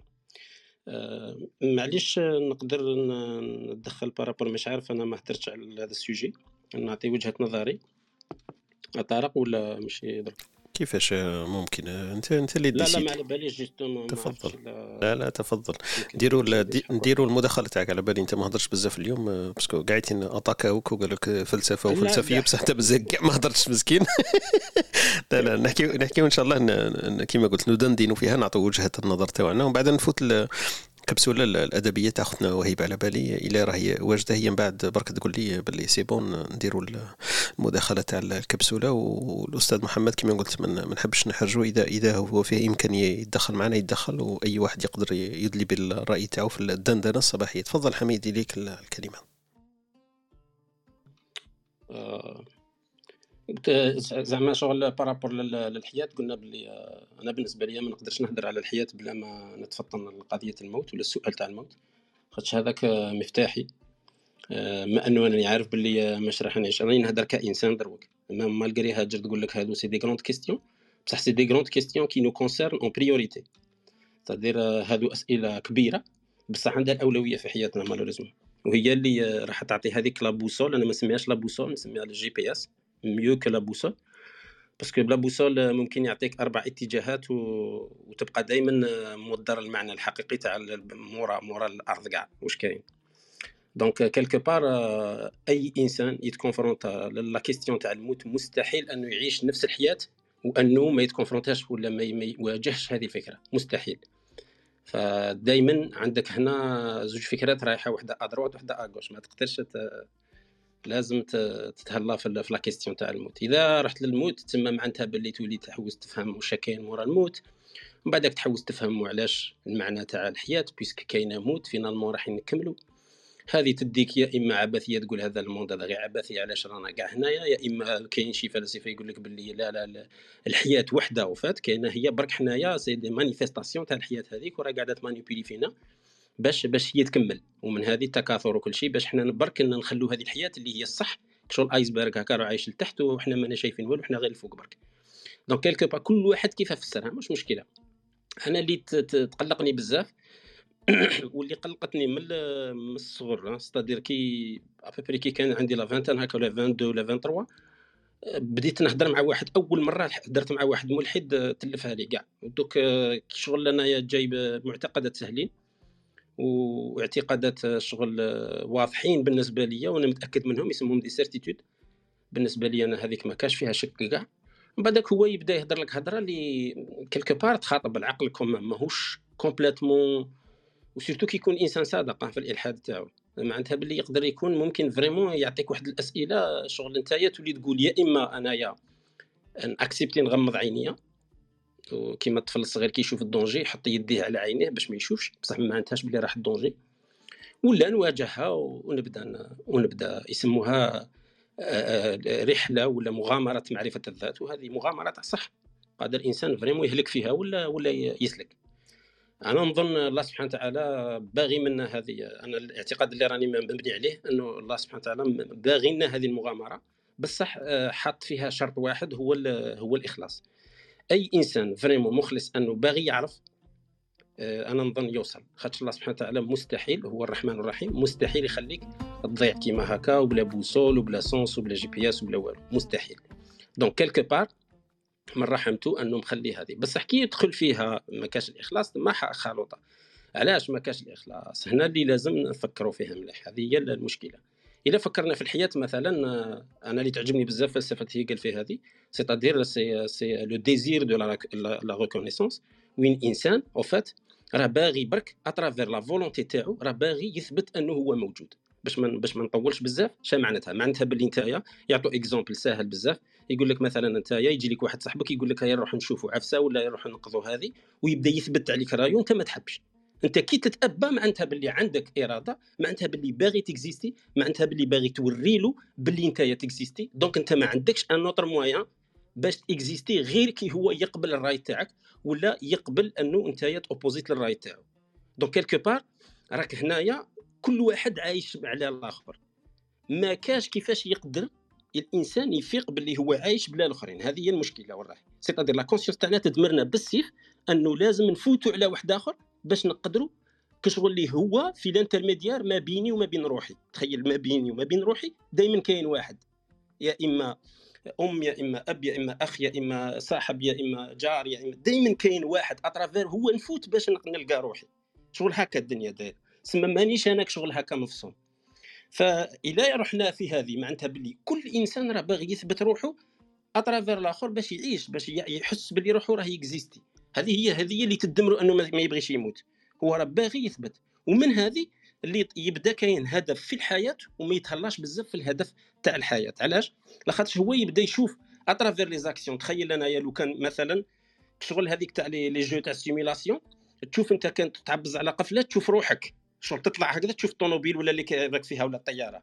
بصح كون تعبز على قفلة واحدة أخرى تولي تشوف غير pare-brise ما تشوفش تسمى تشوف la vue تاعك في الطريق برك. ما تشوفش روحك أنت. هذه هي اش معناتها معناتها باللي quelque part حنا ماناش قادرين نشوفوا روحنا غير à travers les actions الأفعال والأعمال تاعنا اللي في برا. من هذه اللي الإنسان يبغي يترك البصمة تاعو. بصح ما معناتهاش باللي دائما صح.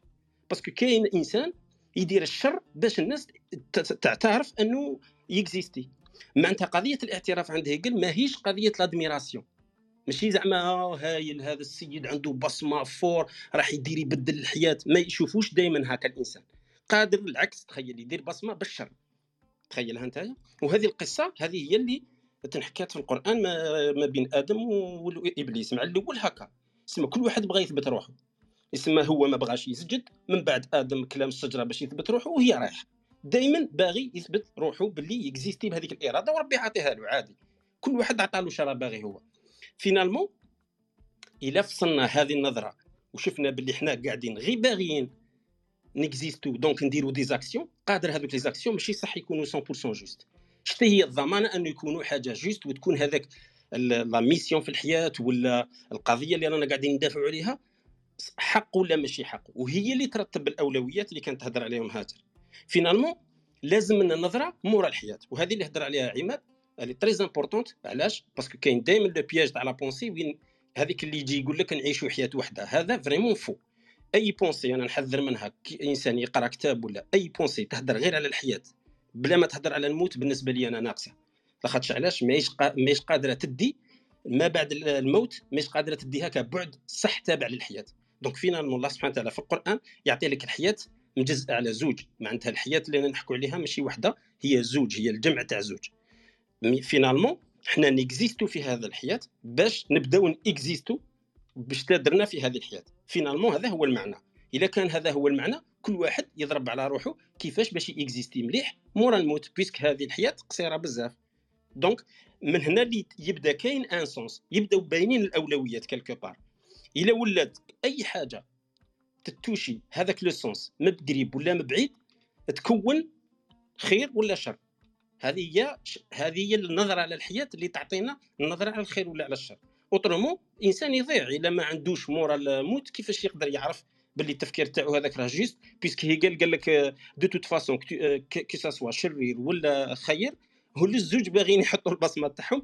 finalement هذاك برك réaction normale غير باش نثبتوا روحنا ونثبتوا الوجود تاعنا. donc la meilleure façon باش نكونوا هي la meilleure façon باش نكونوا مورا الموت. وهذه لازم نفوتوا على الحياة ولا ربي هذو ما بيناتنا وما بين روحنا دائما des sujets. يا إما يكون آه شيء هكا ولا تكون مثلا إنسان. إلا كان إنسان يكون جار كما قلت أب أم أخ صاحب تسمى دائما لازم تفوت على des expériences باش تقدر توصل لروحك هذيك. donc أي فعل ولا أي عمل مع التالي الله سبحانه وتعالى هذه بغيت نكمل بها هذا هو السر اللي يقول لك ربي سبحانه كي ديرها ديرها لوجه الله. علاش؟ هو ما بغاناش في المعنى الكبير ماشي في الحياة الصغير ما بغاناش نحطوا واحد بيناتي وبينات روحي. c'est-à-dire بغى هو الله سبحانه وتعالى هو اللي يكون ال intermédiaire إذا كنت أنت تفوت على المعنى اللي حطه الله سبحانه وتعالى باش توصل لروحك عندك une chance باش تكون دائما ال GPS تاعك تمشي مليح. إلا كنت حطيت واحد آخر معناتها راك تحوس على الرضا تاع واحد آخر راك تحوس على l'ego تاعك راك تحوس على مانيش عارف. malgré تبان لك راك تدافع على قضية وأنت إنسان سامي وعندك بيت تخلي بصمة بصح ما زلت حاط ما بينك وما بين روحك هذوك الناس وهذوك الأشياء وهذيك الأهداف اللي أنت تسميها هي نسبية غير في الحياة تاعنا donc هنايا وين الإنسان إلا حط الله سبحانه وتعالى ما بينه وما بين روحه عنده une bonne chance أنه يسلك. هذه هي وإن شاء الله نزيد نكمل.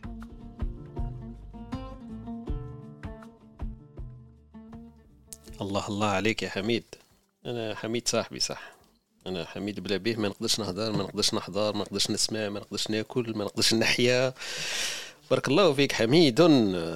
استمتاع. والله استمتاع كي نكونوا نسمعوك تهضر هكذا والجوله كيفاه ديرها وتعجبني أنا ال cartésianité في التخميم تاعك من الالف إلى الباء إلى الجيم. تلقى روحك في الياء وحدك وحدك بارك الله فيك. يعطيك الصحة حميد. شكرا الجولة هذه اللي جلتها بنا وحكيت لنا في في جواب عن سؤال سهل. رجعت لنا الأمور صح كما نقولوا تعقيداتها وبسطتها. حكيتنا على الخوف من المستقبل وحكيتنا على الإنسان الذي يريد إثبات أنه موجود وسبب الوجود يمكن حتى الاعتراف رحت لنا ليه. حكيت لنا حتى على الوسيط بين الأنا والنفس. donc هذه إلى قلها شوية degré تاع قهوه تكون espresso double double double باش تفهمها. وحكيت لنا على النظارات نظارات السياره التي ننظر إليها. هل نريد نظرة السيارة تتحرك أو النظارات لأثار السيارة في في ال rétroviseur في النظارات الخلفية؟ والوسيط هذاك كما قلت اذا كان شيء ولا صديق ولا أخ ولا واحد ناخذ رأيه تختلف الأمور. إذا قلنا أنه هذاك صح لوجه الله. دونك نظره ما وراء الحياة ثاني اضطرتنا لها.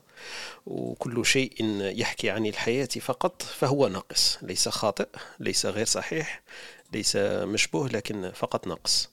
بارك الله فيك خويا حميد يعطيك الصحة والله يتم عليك هذا الفتح العظيم المبين. بارك الله فيك. نفوتوا يمكن على إلى خطنا وهبة واجدة هكذا باش برك ما يفوتناش وقت بزاف. فوالا باش ما يفوتناش برك الوقت نديروا الكبسولة الثقافية ونكمل الدندنة تاعنا مع المحور هذا اللي خيرناه اليوم نحكيو فيه إن شاء الله هو موضوع الحياة.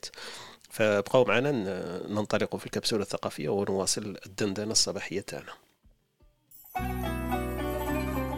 نترككم مع الكبسولة الثقافية مع الأستاذة وهيبة.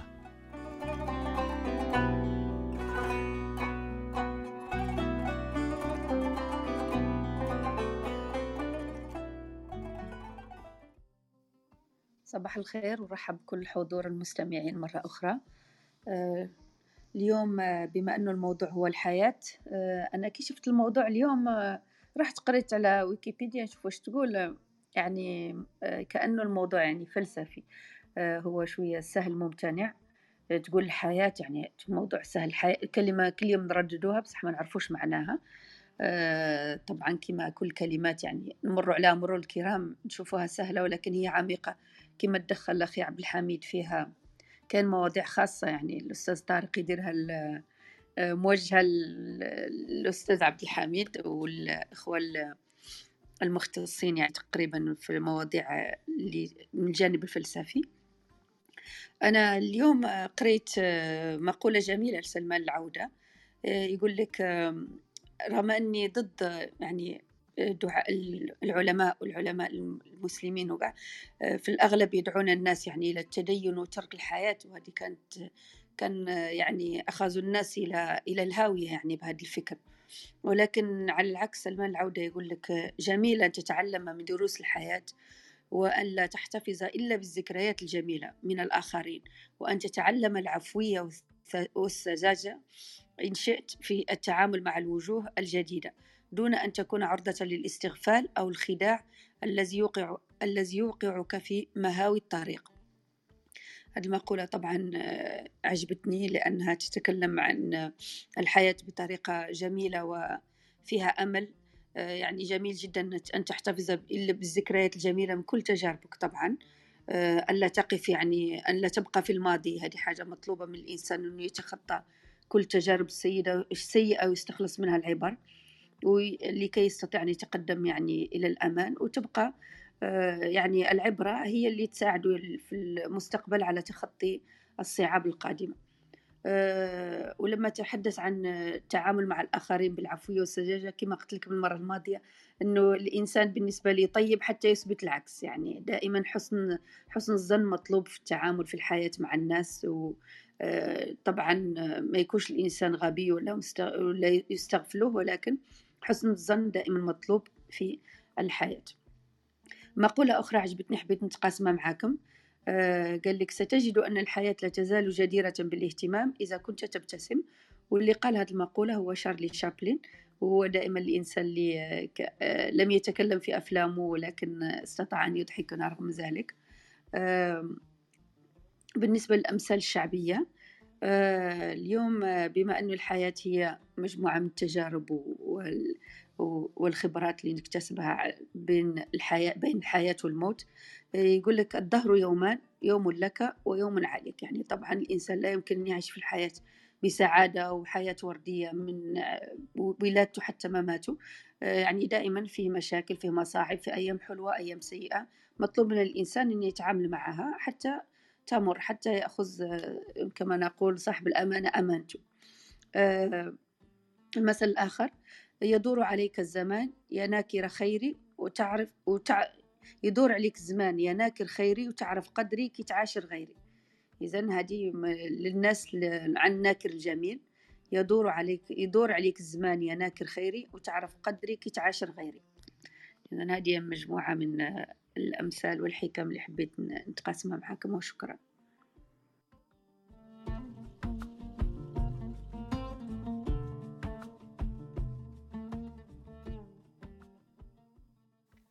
بارك الله فيك يعطيك الصحة. أختنا وهبة على الكبسولة وعلى الإضافة اللي درتيها. سلمان العودة فك الله أسره.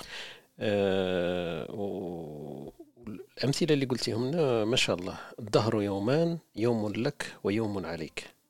والثاني ذكرتنا به يدور عليك الزمان يا ناكر خيري وتعرف غيري باش تعرف قدري. لا وتعرف أه وتعرف قدري كي تعرف غيري يمكن. نسيت من شاء كيفاش قلتيها.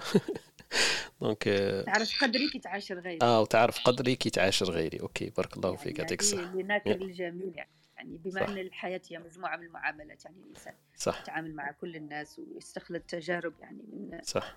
كل شيء يمر به في الحياة. صح ما شاء الله. بارك الله فيك يعطيك الصحة أختي وهيبة. وشكرا على الكبسولة وعلى الأمثلة الشعبية اللي أمتعتي أذاننا بها. وأي واحد يمكن عنده مداخلة في هذا الباب ولا يحكي في المنطقة تاعهم عندهم أمثلة تجول في هذا نفس المعنى يقدر يدخل معنا ويذكرنا بها. شكرا لك. نكملوا يمكن الدندنة تاع الصباح هذه حول محور الحياة اللي حكينا عليه ونشوفوا مع خونا عماد وخونا حميد. يثري لنا اللقاء تاعنا في في هذا. عماد عندك ما تقول؟ آه، طبعا آه، باش نرجع للسؤال سألته هاجر حسب يعني الأولويات وغيرها. آه، طبعا هو الإنسان كما قلنا أدرى بنفسه وبحالته أكثر من غيره. يعني صحيح ممكن شخص ثاني من يعني من فوق الهضبة ممكن يعطيك رؤية أو حل لكن هذاك مبني على تجربته مبني على تجارب الآخرين وربما لكن قد لا يتوالم آه، ويتأقلم مع حاجياتك. فالإنسان يتعلم شوية مرونة آه، مرونة الأجيليتي يعني يعني يتعامل مع الحياة آه، بقابلية أكثر يعني وكله خير إحنا حتى في دين كل الرسول يقول لك عجبا لأمر للمؤمن عجبا ليش يتعجب؟ لأنه يقول لك إذا كان امتحن وابتلى بشيء فهو خير إن صبر وكذا فيبعث فيك لا ريزيستانس أنه يتفكر في هذا ويصبر وأنه يتقبل وكذا ويعرف اللي هذا امتحان اللي هو باش يقويه. يعني يقول لك force forger on devient forgeron يعني ذاك الألم هذاك بعد هو باش يقويك باش تولي حاجة حاجة ثانية. وإن شكر يعني يعني كان في رخاء وكان في أبتلي بنعمة فهو في في في رخاء وفي هذا في بالضبط هذاك لازم يتذكر أنه للمعنى الوجودي آه، ليه آه، طبعا أنا يقول الرسول صلى الله عليه وسلم الحديث ما يمكنش أن نمر عليه بدون ذكره وهو حديث الرسول صلى الله عليه وسلم يقول لك اغتنم خمسا قبل خمس. اغتنم شبابك قبل هرمك وصحتك قبل سقمك وغناك قبل فقرك فقرك وفراغك قبل شغلك وحياتك قبل موتك. يعني الحياة هذه الكل تستغل كل العناصر اللي, اللي ذكرناها من, من قبل وهو اغتنام. ما معنى الاغتنام؟ انك أنك تستغلها باستغلال بعمق بعمق وليس هكذا سيرفس يعني الإنسان هاني عايش ولا اليوم نعيش غدوة نعمل لا. هم كلهم مجموعة من العناصر آه، انك أنك تستعملهم. هم أسلحة تستعملهم بعمق وبتفكر وبتدبر. وهذا اللي الإنسان يجعل آه، حياته عندها معنى عندها رونق. عندها شارم كما نقولوا إحنا في الدنيا. حتى حتى ولو كانت معاناة أحيانا ترى في الإنسان يتعذب في فيما يقوم به ولكن هو مقتنع ومتشبع يعني متقبل لهذاك الشيء. ليس ليس ليس ليس في ذاته وإنما يعرف أنه هذه مرحلة لبناء الخطوة اللي, اللي من بعدها وهكذا وهكذا الحياة يعني. آه وشكرا لكم.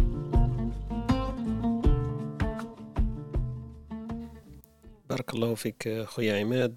اليوم أنا سعيد جدا كما يسموها ستيج إحنا نقولوا بالعربية ركح. اليوم راه ركح الأخيار ما شاء الله ثلة من الأخيار.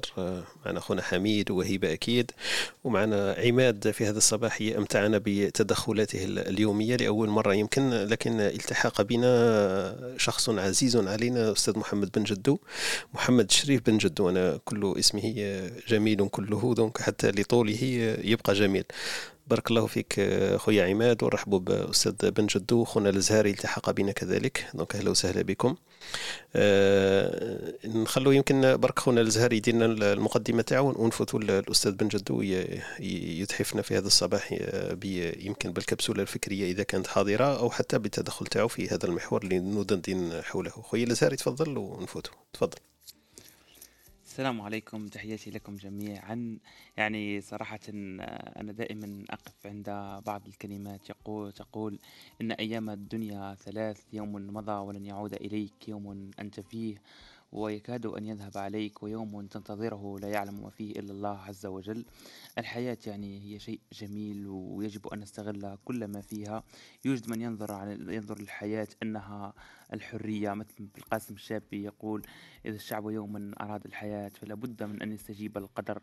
وهنا يقصد يعني عن الحرية.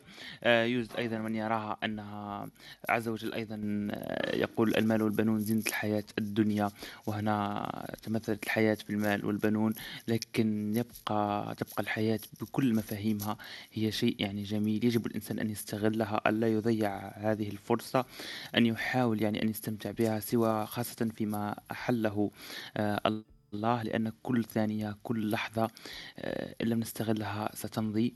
وفي أحد يعني في أحد الأيام أحد الملوك آه، طلب من مستشاريه أن يعطوه شيء. إذا نظر إليه يعني حزن وإذا نظر إليه آه، أصابته الفرحة فصنعوا له خاتما مكتوب عليه ستمر اللحظة. فكل ما يكون في لحظة حزن وينظر إلى تلك الكلمات يقرأ ستمر اللحظة.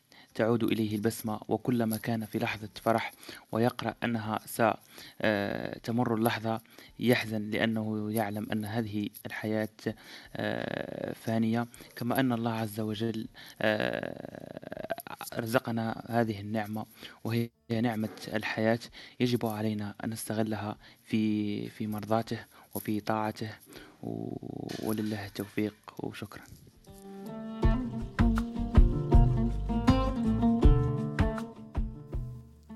شكرا لك خويا الازهري ما شاء الله كلمات في الصميم وبارك الله فيك على المداخلة تاعك. نفوتوا بدون إطالة الأستاذ محمد شريف بن جدو. أهلا وسهلا بك. صباح الخير معنا. السلام عليكم. صباح النور خويا طارق خويا عبد الحميد أختي وهيبة خويا عماد هاجر خويا الازهري صباحكم جميل بهذا الموضوع الرائع. أنا أردت أن تكون لي إضافة صغيرة رغم أن ما أجدتم به رائع. هو أنه في فلسفتنا الإسلامية في تاريخنا تكلمت الحياة كان عندها خمسة أنواع. فهناك حياة الأرواح وهناك حياة الأصلاب وهناك الحياة الدنيا وهناك الحياة البرزخية وهناك الحياة الآخرة. حياة الأرواح حيث تلتقي الأرواح ببعضها البعض. وممكن في حياتنا الدنيا نحسوها تلقاه يقول لك واحد ملايكته خفاف تلقى زوج يتلاقاو مع بعضهم وكأنهم يعرفوا بعضهم من قبل. فقال الرسول صلى الله عليه وسلم ليقرب هذا المعنى قال آه، الأرواح جند مجندة آه، الأرواح جند من جنود الله. تعارف منها ائتلف وتعارض منها اختلف. تلقى واحد ممكن تتعرف عليها اليوم تعود تشتي تعود خفيف عليك تعود كأنك تعرفه من قبل. كاينة واحد آخر ممكن تقعد معه سنوات يبقى ثقيل على قلبك. وهذا يبين أنه كان هناك تلاقي في عالم الأرواح ورغم أنه الكتابات في هذا الموضوع في عالم الأرواح ناقصة ناقصة بزاف كتب فيها ابن القيم الجوزية. أحد, أحد الكتابات إلا أن الله سبحانه وتعالى يقول في القرآن الكريم آه ويسألونك عن الروح قل الروح من أمر ربي وما أوتيتم من العلم إلا قليلا. حياة الأصلاب أصلا في حد ذاتها تحتاج إلى إلى علم و الإنسان في يقعد يحاول يدرك هذا المعنى العميق. فمثلا سأتكلم عليها من الناحية العلمية. يعني مثلا تلاحظ أنت في عملية التلقيح التي تحدث بين البويضة وبين النطفة يقول لك عادة يكون هناك 300 مليون نطفة لكن مكتوب بتكون نطفة واحدة و الدراسات العلمية تثبت أنه ما بين كل نطفة ونطفة سيكون هناك اختلاف في الشكل واللون والصوت وحتى في في الطباع والمزايا. ولكن الله سبحانه وتعالى في 300 مليون يختار نوعا واحدا. وذلك وتلك هذاك من بداية المسار إلى غاية خروج ذلك الإنسان هي عالم الأصلاب. حياة أخرى. وهناك الحياة الدنيا رانا فيها. والحياة البرزخية ما بين الدنيا والآخرة وهناك الحياة الآخرة ليقول الله سبحانه وتعالى هي الحيوان لو كانوا يعلمون. آه، المشكلة كامل عندنا نحن كمسلمين هي وهذا إجابة على سؤال الأخت هاجر مفهومنا للدنيا في ظل الآخرة. الدنيا قيمتها الحقيقية لا تفهم إلا بالآخرة. لأنها جسر للآخرة وفق غاية وهدف سامي هو عبادة الله سبحانه وتعالى. وانضباط اتجاه هذا الهدف قدر الإمكان ووفق تقويم وتقييم مستمر. مش مشكل أنك تغلط المشكل أنك تغلط ما تعرفش أنك غلط آه هذا المعنى الغالب الدروشة فسداته. فسداته وعلاش؟ لأنه أول حاجة الجهل. ولهذا ربي سبحانه كانت أول آية نزلت على الرسول صلى الله عليه وسلم قالت له اقرأ. لما تقرأ تتبدل تتبدد الأوهام والجهل. مشكلتنا أنك كي ما تقراش ما عادش تعرف شو هي الأولويات. ما تعرفش في هذه الأولويات ما هو الفاني وما هو الممتد. وكيف تتكامل غاية الدنيا مع غاية الآخرة.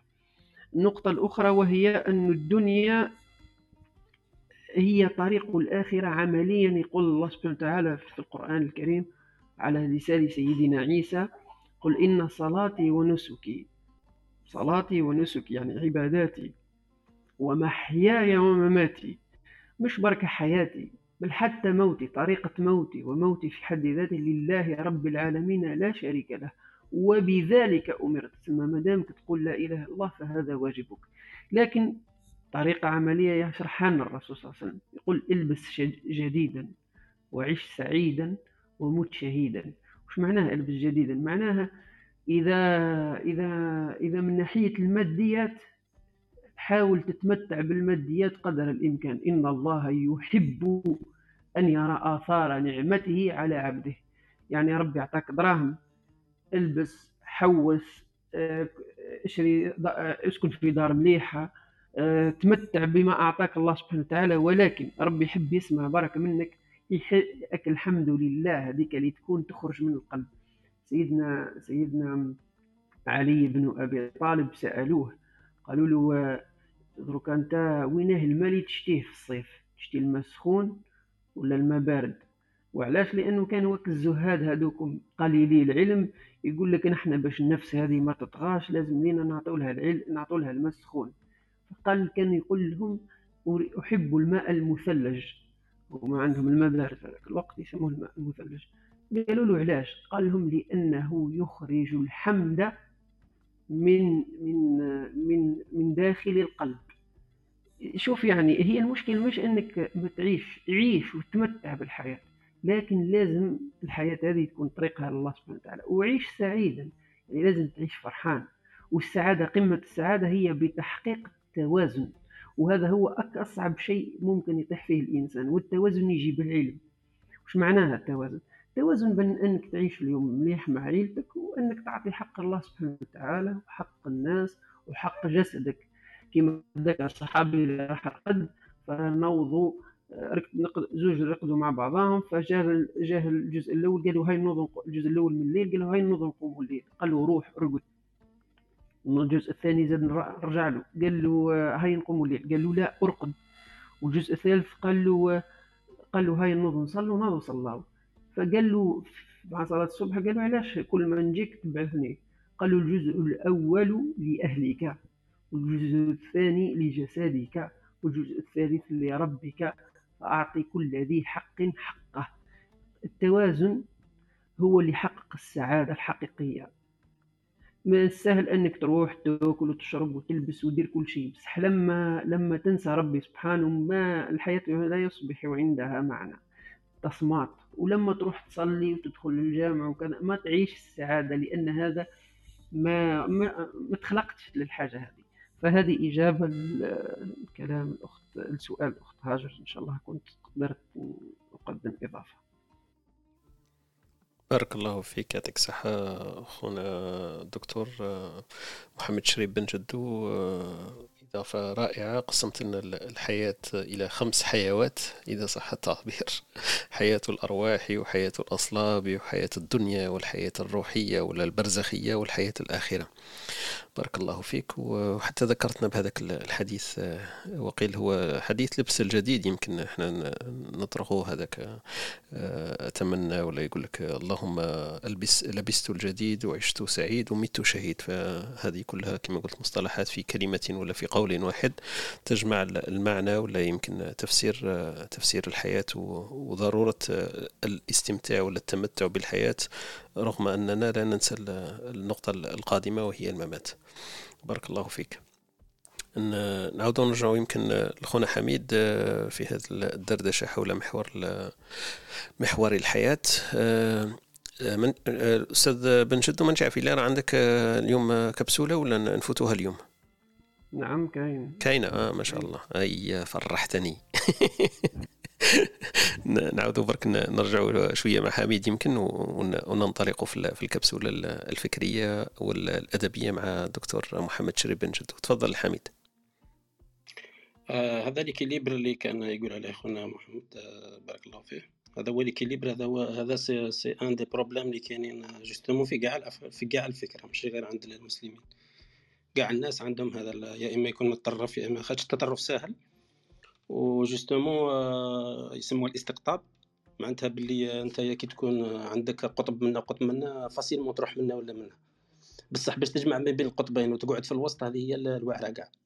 donc quelque part c'est clair et net باللي justement هذا هو المراد منا إنه إنه euh, هو ربي سبحانه كي عطانا هذيك النظرة على الآخرة. ما كانش باغينا نعيشوا بلا الدنيا c'est logique. Parce que هو عاطيها لك باش تعيش مليح الدنيا تاعك باش تدي الاخرى خير donc ماهيش logique إنه شغل تدي بصح. malheureusement علماء كبار وكاع من عندنا شغل شغل بزاف راحوا في واحد ال sens وين وين خلاوك شغل مش عارف الآيات هكا أنت كي تشوفهم تحس باللي صح ربي سبحانه يذم دائما الحياة الدنيا قدام الآخرة. أنا واحد من الناس ما نشوفهاش كما هاك.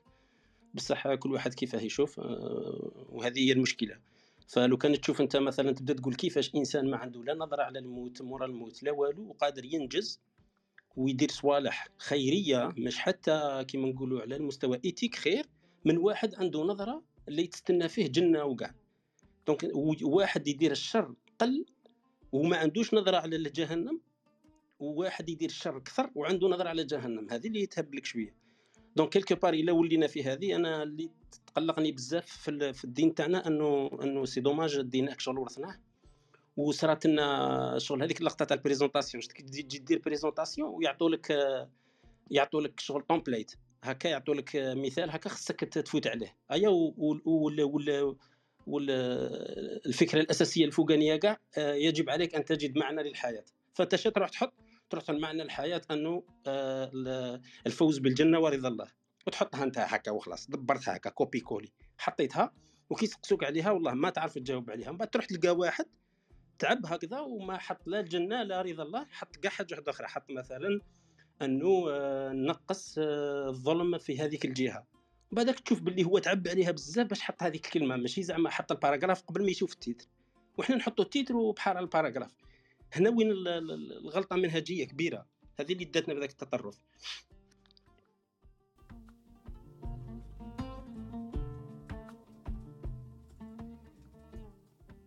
يعطيك الصحة أخوي حميد بارك الله فيك. هاجر حبيت نسقسيك قدام لا نفوت الكبسولة الفكرية. هاجر يديرة اتضحت شوية الأمور عندك ولا ما زالت؟ واضحة واضحة. بارك الله فيكم. يعطيك الصحة. أنا خفت لا تقول لي زدت تخلطت أنا كي كنت قبيل كنت شوية درست خلطت توالي. واضحة واضحة. أي الحمد لله. بارك الله فيك. يعطيك الصحة أختي هاجر. أه والله بارك الله فيك. نفوتوا يمكن مع ال jingle هذا البسيط وننطلق مع الكبسولة الفكرية والأدبية مع دكتور محمد شريف بن جدو ونواصل يمكن نزيدوا شوية بضع دقائق الدندنة ولا الدردشة تاعنا حول محور الحياة. فمع الأستاذ محمد شريف أخليكم بعد ال jingle في كبسولة فكرية وأدبية. بقوا معنا.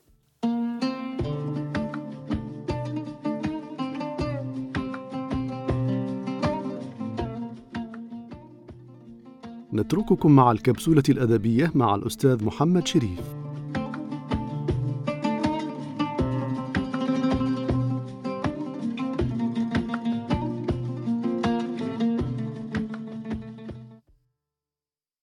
السلام عليكم صباحكم كله خير اليوم في كبسولتنا الفكرية والأدبية سنتكلم عن عالم جزائري مفكر وهو ما زال على قيد الحياة الدكتور آه، محمد بابا عمي ابن موسى وهو جزائري متزوج له ولدين ومن ولاية غردايا إباضي آه، من بني يزقن ومقيم حاليا في العاصمة في برج البحري في معهد المناهج. الدكتور درس درس في ثانوية من ثانويات ولاية غردايا ثانوية مفدي زكريا في منطقة بني يزقن في سنة 86 وتخرج بمتفوق في مجال الرياضيات لأنه كان يقرأ رياضيات ودخل جامعة الهواري بومدين آه، في آه، العلوم والتكنولوجيا في باب زوار ولكنه آه، توقف في السنة الأولى لأنه ملقاش روحه أنه يتمتع أو يستمتع بهذا التخصص وكأنه يجلد نفسه جلدا فقرر أن يتخصص في جانب العقيدة والفكر الإسلامي بالضبط وليس الفكر الإسلامي بالضبط. فدرس في جامعة الخروبة ونال شهادة الليسانس في آه، في الواحدة وتسعين. ثم آه، استمر في دراسات معمقة في الفكر الإسلامي بجامعة الخروبة أيضا ونال دبلوم في الدراسات المعمقة هذه في الرابعة وتسعين وكانت مواضيعه دائما متميزة. كان موضوعه في في في, في هذا الدبلوم وهو مراعاة الظروف الزمكانية والأحوال النفسية في تفسير الآيات القرآنية وأنا قرأت له مجموعة من الكتب.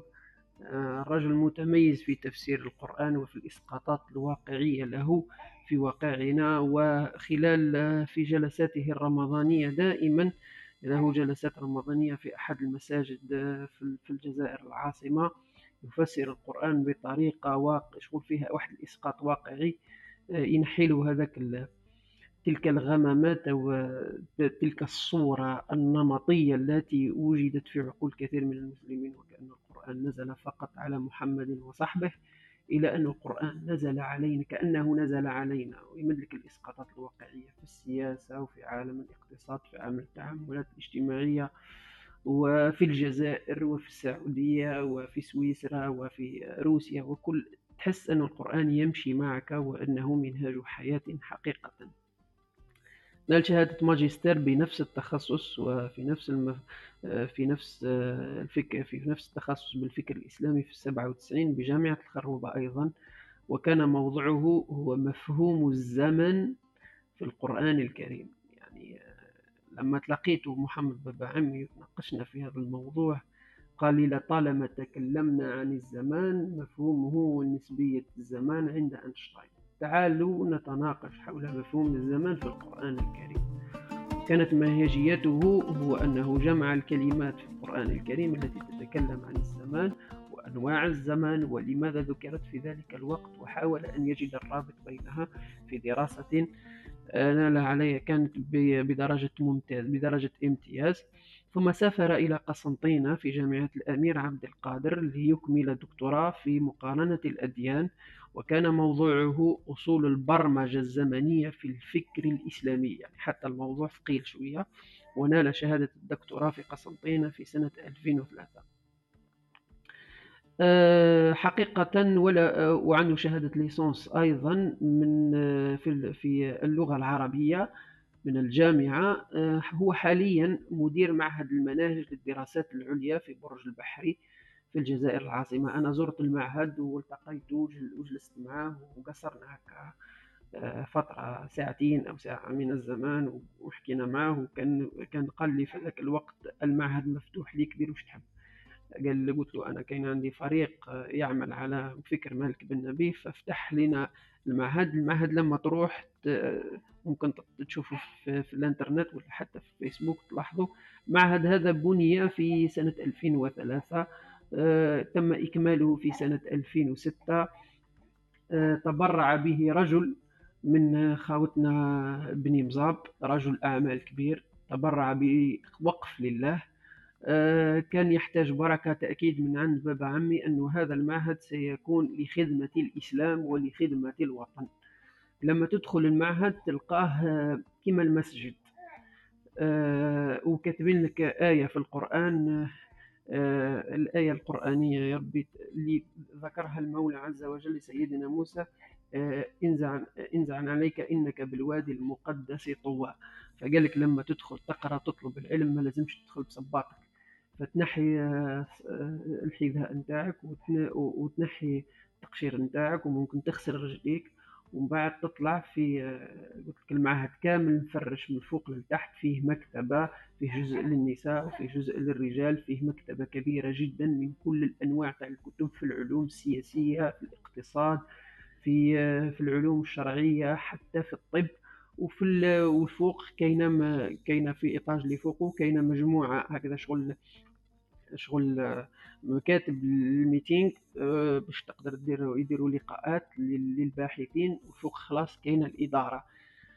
آه، كان الدكتور مشرف حول مشاريع في مكتب الدراسات العلمية وما في في دور القرآن الكريم ورئيس كلية مناهج البحث العلمي في الجامعة الإسكندنافية الافتراضية في النرويج أيضا وأستاذ محاضر في معهد المناهج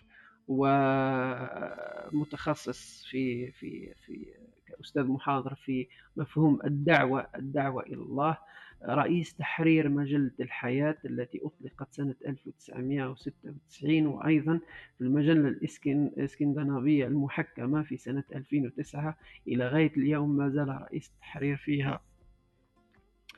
أيضا هو عضو هيئة التحرير في مجلة كراسات التربوية المتخصصة في الفكر التربوي الإيراني وتأسست هذه المجلة في سنة 2008 في مصر وما زالت إلى حد اليوم وهو أيضا آه، متفرغ حاليا لبحث آه، مفهوم المنظومة المعرفية الرشيدة أو تفسير مفهوم الرشد في في بناء الأمة. آه، لما جلست معه ناقشنا كيف كيف حول موضوع الحضارة والبناء والانطلاق الحضاري للأمة. وكان قال لي قال لي أنا في هذا البحث أنا كنت نحسبه شخص يعني بصراحة نحسب شخص يطالع الكتب ولكنه شخص أنفق عنده 20 سنة وهو خارج الجزائر. يعني دا شهادات لهنا وبعد خرج خارج الجزائر. آه، قعد ثلاث سنوات في تركيا يدرس التجربة التركية. آه، آه، راح قعد سنة كاملة في إيران وثمانية أشهر في السودان آه، ليدرس التجربة الإسلامية في السودان. قعد ثلاثة ثلاث سنوات في إنجلترا وراح لماليزيا وعام في روسيا وراح عاش وقال ثمانية أشهر أو تسعة أشهر في اليابان. يدرس تجارب تجارب النهضوية للمجتمعات وكنا تكلمنا بشكل عميق في هذا الموضوع. ولك قال لي كنت في مركز بحث علمي في في تركيا. كان يزورنا حوالي الرقم الذي أعطاه لي مدهش في تركيا. قال لي يزورنا حوالي ألف إلى ألف وخمسمائة فريق بحث علمي سنويا لدراسة النموذج التركي لأن النموذج التركي متميز. لما بديت نحاول نفهم معه أسكو التجربات الأردوغانية هي التي أحدثت تلك الطفرة قال لا وإنما هناك نموذج دولة جديد. لأن الدولة عند الغرب مبنية على أسس الدولة الوستفالية القومية الحالية بالمفهوم الغربي الذي أنتجته بعد مؤتمر وستفاليا هو هو الدولة التي تكون برسك تقريبا إلها. فهي التي تضع نموذج الدين وهي التي تضع نموذج المواطن الصالح وهي التي تضع تضع معايير الاقتصاد الصالح والناجح و وإلى آخره. في نفس الوقت هذه الدولة فيها مجموعة من الأشخاص هم المتحكمين. فبمجرد أن تستطيع تحديد هؤلاء الأشخاص والضغط عليهم بإيجاد نقاط سلب نقاط ضعفهم يمكنك التأثير على ذلك الشعب. النموذج التركي متميز بشيء آخر وهو نموذج دولة جديد. أين تصبح الدولة؟ لا تملك السلطات الحقيقية بينما من يملكها هو الشعب. وهذا النموذج يتم دراسته وقد حاول الغرب منذ 2013 إلى غاية اليوم أن أن يناور تركيا من خلال اللعب على التناقضات الداخلية أكثر فحاولوا يخلقوا تناقضات بين داود أوغلو بين أردوغان وأنه يخلقوا تناقضات مصلحية بين فتح الله جولين وبين وبين النظام التركي. وظائفه العلمية أيضا هو أمين عام جمعية التراث في من في القرارة من سنة من 92 حتى 2007 في غردايا وهو عضو بجمعية العلماء المسلمين الجزائريين منذ سنة 2000 وكان سكرتير التحرير ما بين 2000 و 2001 في جريدة البصائر لجمعية العلماء المسلمين. وهو مؤسس أيضا لمركز المطياف للقرآن للبحوث والدراسات العلمية في بني يزقن من 98 و 2000 وأنا يمكن نتكلم على على على على بني مزاب. أنا ننصح الإخوة اصدقائي والمستمعين إنهم يروحوا يخالطوا شوية خوتنا بني مزاب. راهم متميزين فعلا يعني منظمين بشكل عندهم عقد اجتماعي ومنظمين بشكل ملفت للانتباه.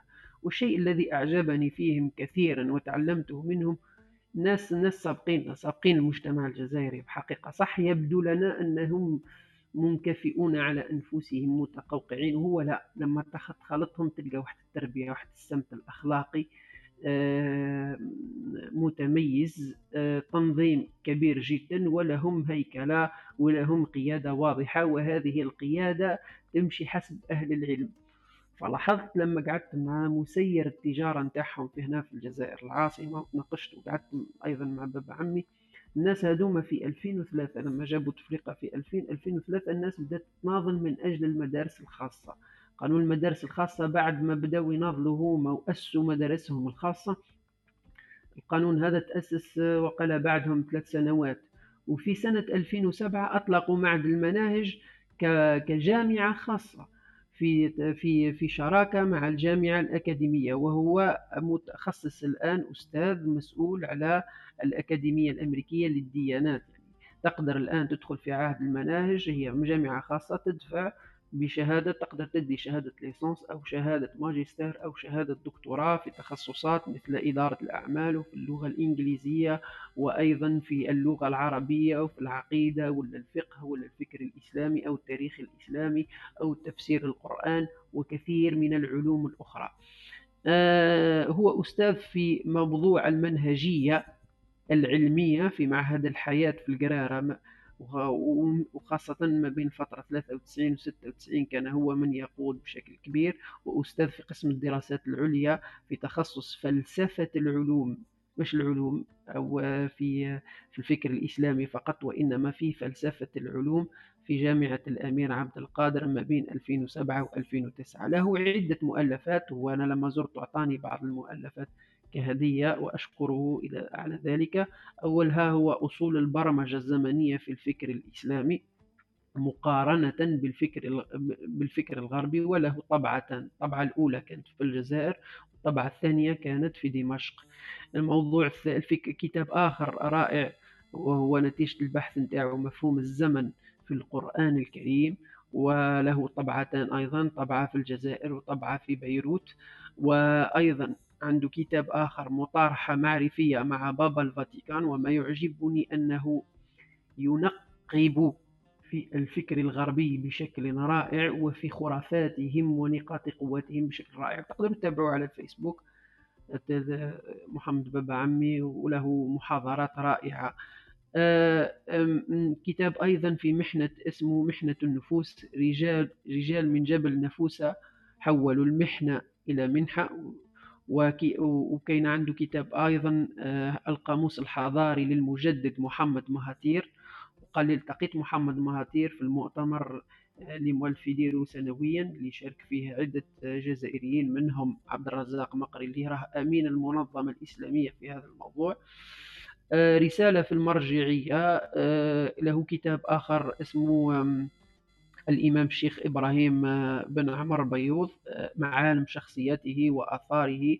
وعمر إبراهيم بيوض هو أحد أعضاء جمعية علماء المسلمين الجزائريين. وأنا التقيت الحفيد نتاعو وقصرنا هو صديقي يعني مش وشفت التربية التربية تاع ذلك الرجل العظيم وكيفاش التكامل وحكى ورالي آه، الكتب نتاعو يعني يعني شيء ما ما شاء الله.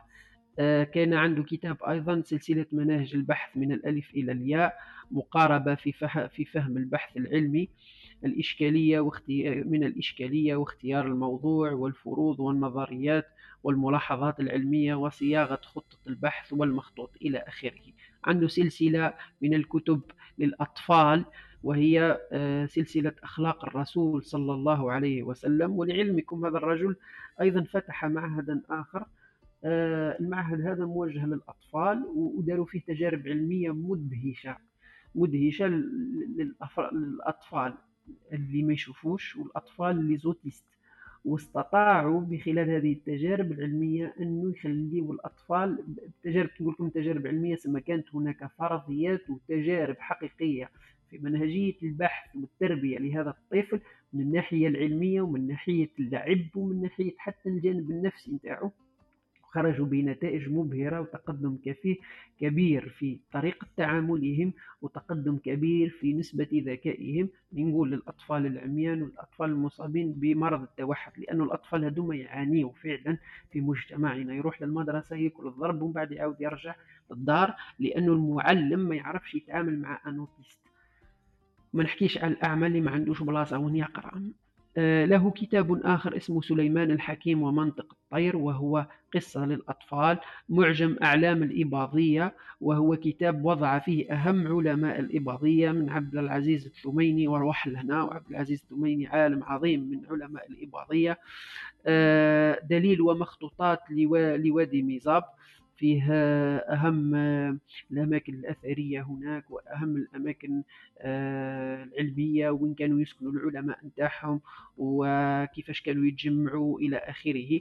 له مقالات في نقد فكر أحمد خيري العمري وشارك معه في أحد حفلات آه، حفلات تكريمه وله أيضا هو صاحب فكرة وأنا استوحيت الفكرة هذه من عنده يعني بصراحة اللي هي من 2006 من 2006 2007 2007 خرجوا بال بال واحد المؤتمر سنوي تقوم به يقوم به معهد المناهج اسمه نعم للجزائر علماؤها. وناقشت مليح في النقطة هذه. قال لي نحن الجزائريين نحتقر علماءنا ولا نعرف من هم علماءنا. ولذلك هو كان كل سنة يختار عالما من علماء الجزائر ويدير مؤتمر وطني كبير جدا تحضره شخصيات أحيانا ممثلين عن رئاسة الجمهورية وقيادة الجيش والمخابرات والمؤسسة والمؤسسات الحكومية ومؤسسات دولية ويتصور من التلفزيون الجزائري ويتم تكريم عالم وكان أول عالم تم تكريمه سنة 2007 هو مؤرخ شيخ المؤرخين آه، أبو القاسم سعد الله رحمة الله عليه. ومحمد والآخر وعيسى بن عبد النبي سنة 2016 حقق في عدة كتب منها تفسير الكندي للشيخ أحمد الكندي وإيضاح التوحيد بنور التوحيد للشيخ سعيد الغيثي. في سلطنة عمان بحكم أن سلطنة عمان عندهم المذهب الإباضي علاقتهم مع الإباضية هناك ومع علاقتهم مع سلطنة عمان قوية جدا.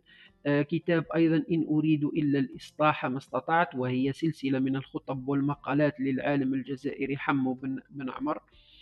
آه، عنده كتاب تحقيق أيضا في التاج المنظوم من درر المنهاج المعلوم لعبد العزيز الثميني وقد كنت حدثتكم عنه.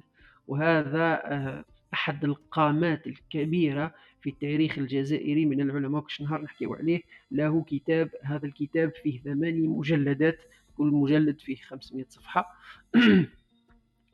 آه، أيضا هو مؤسس لموقع فيكوس وتراث ومؤسس ومدير موقع المطياف القرآني ومؤسس ومدير موقع حميزكم.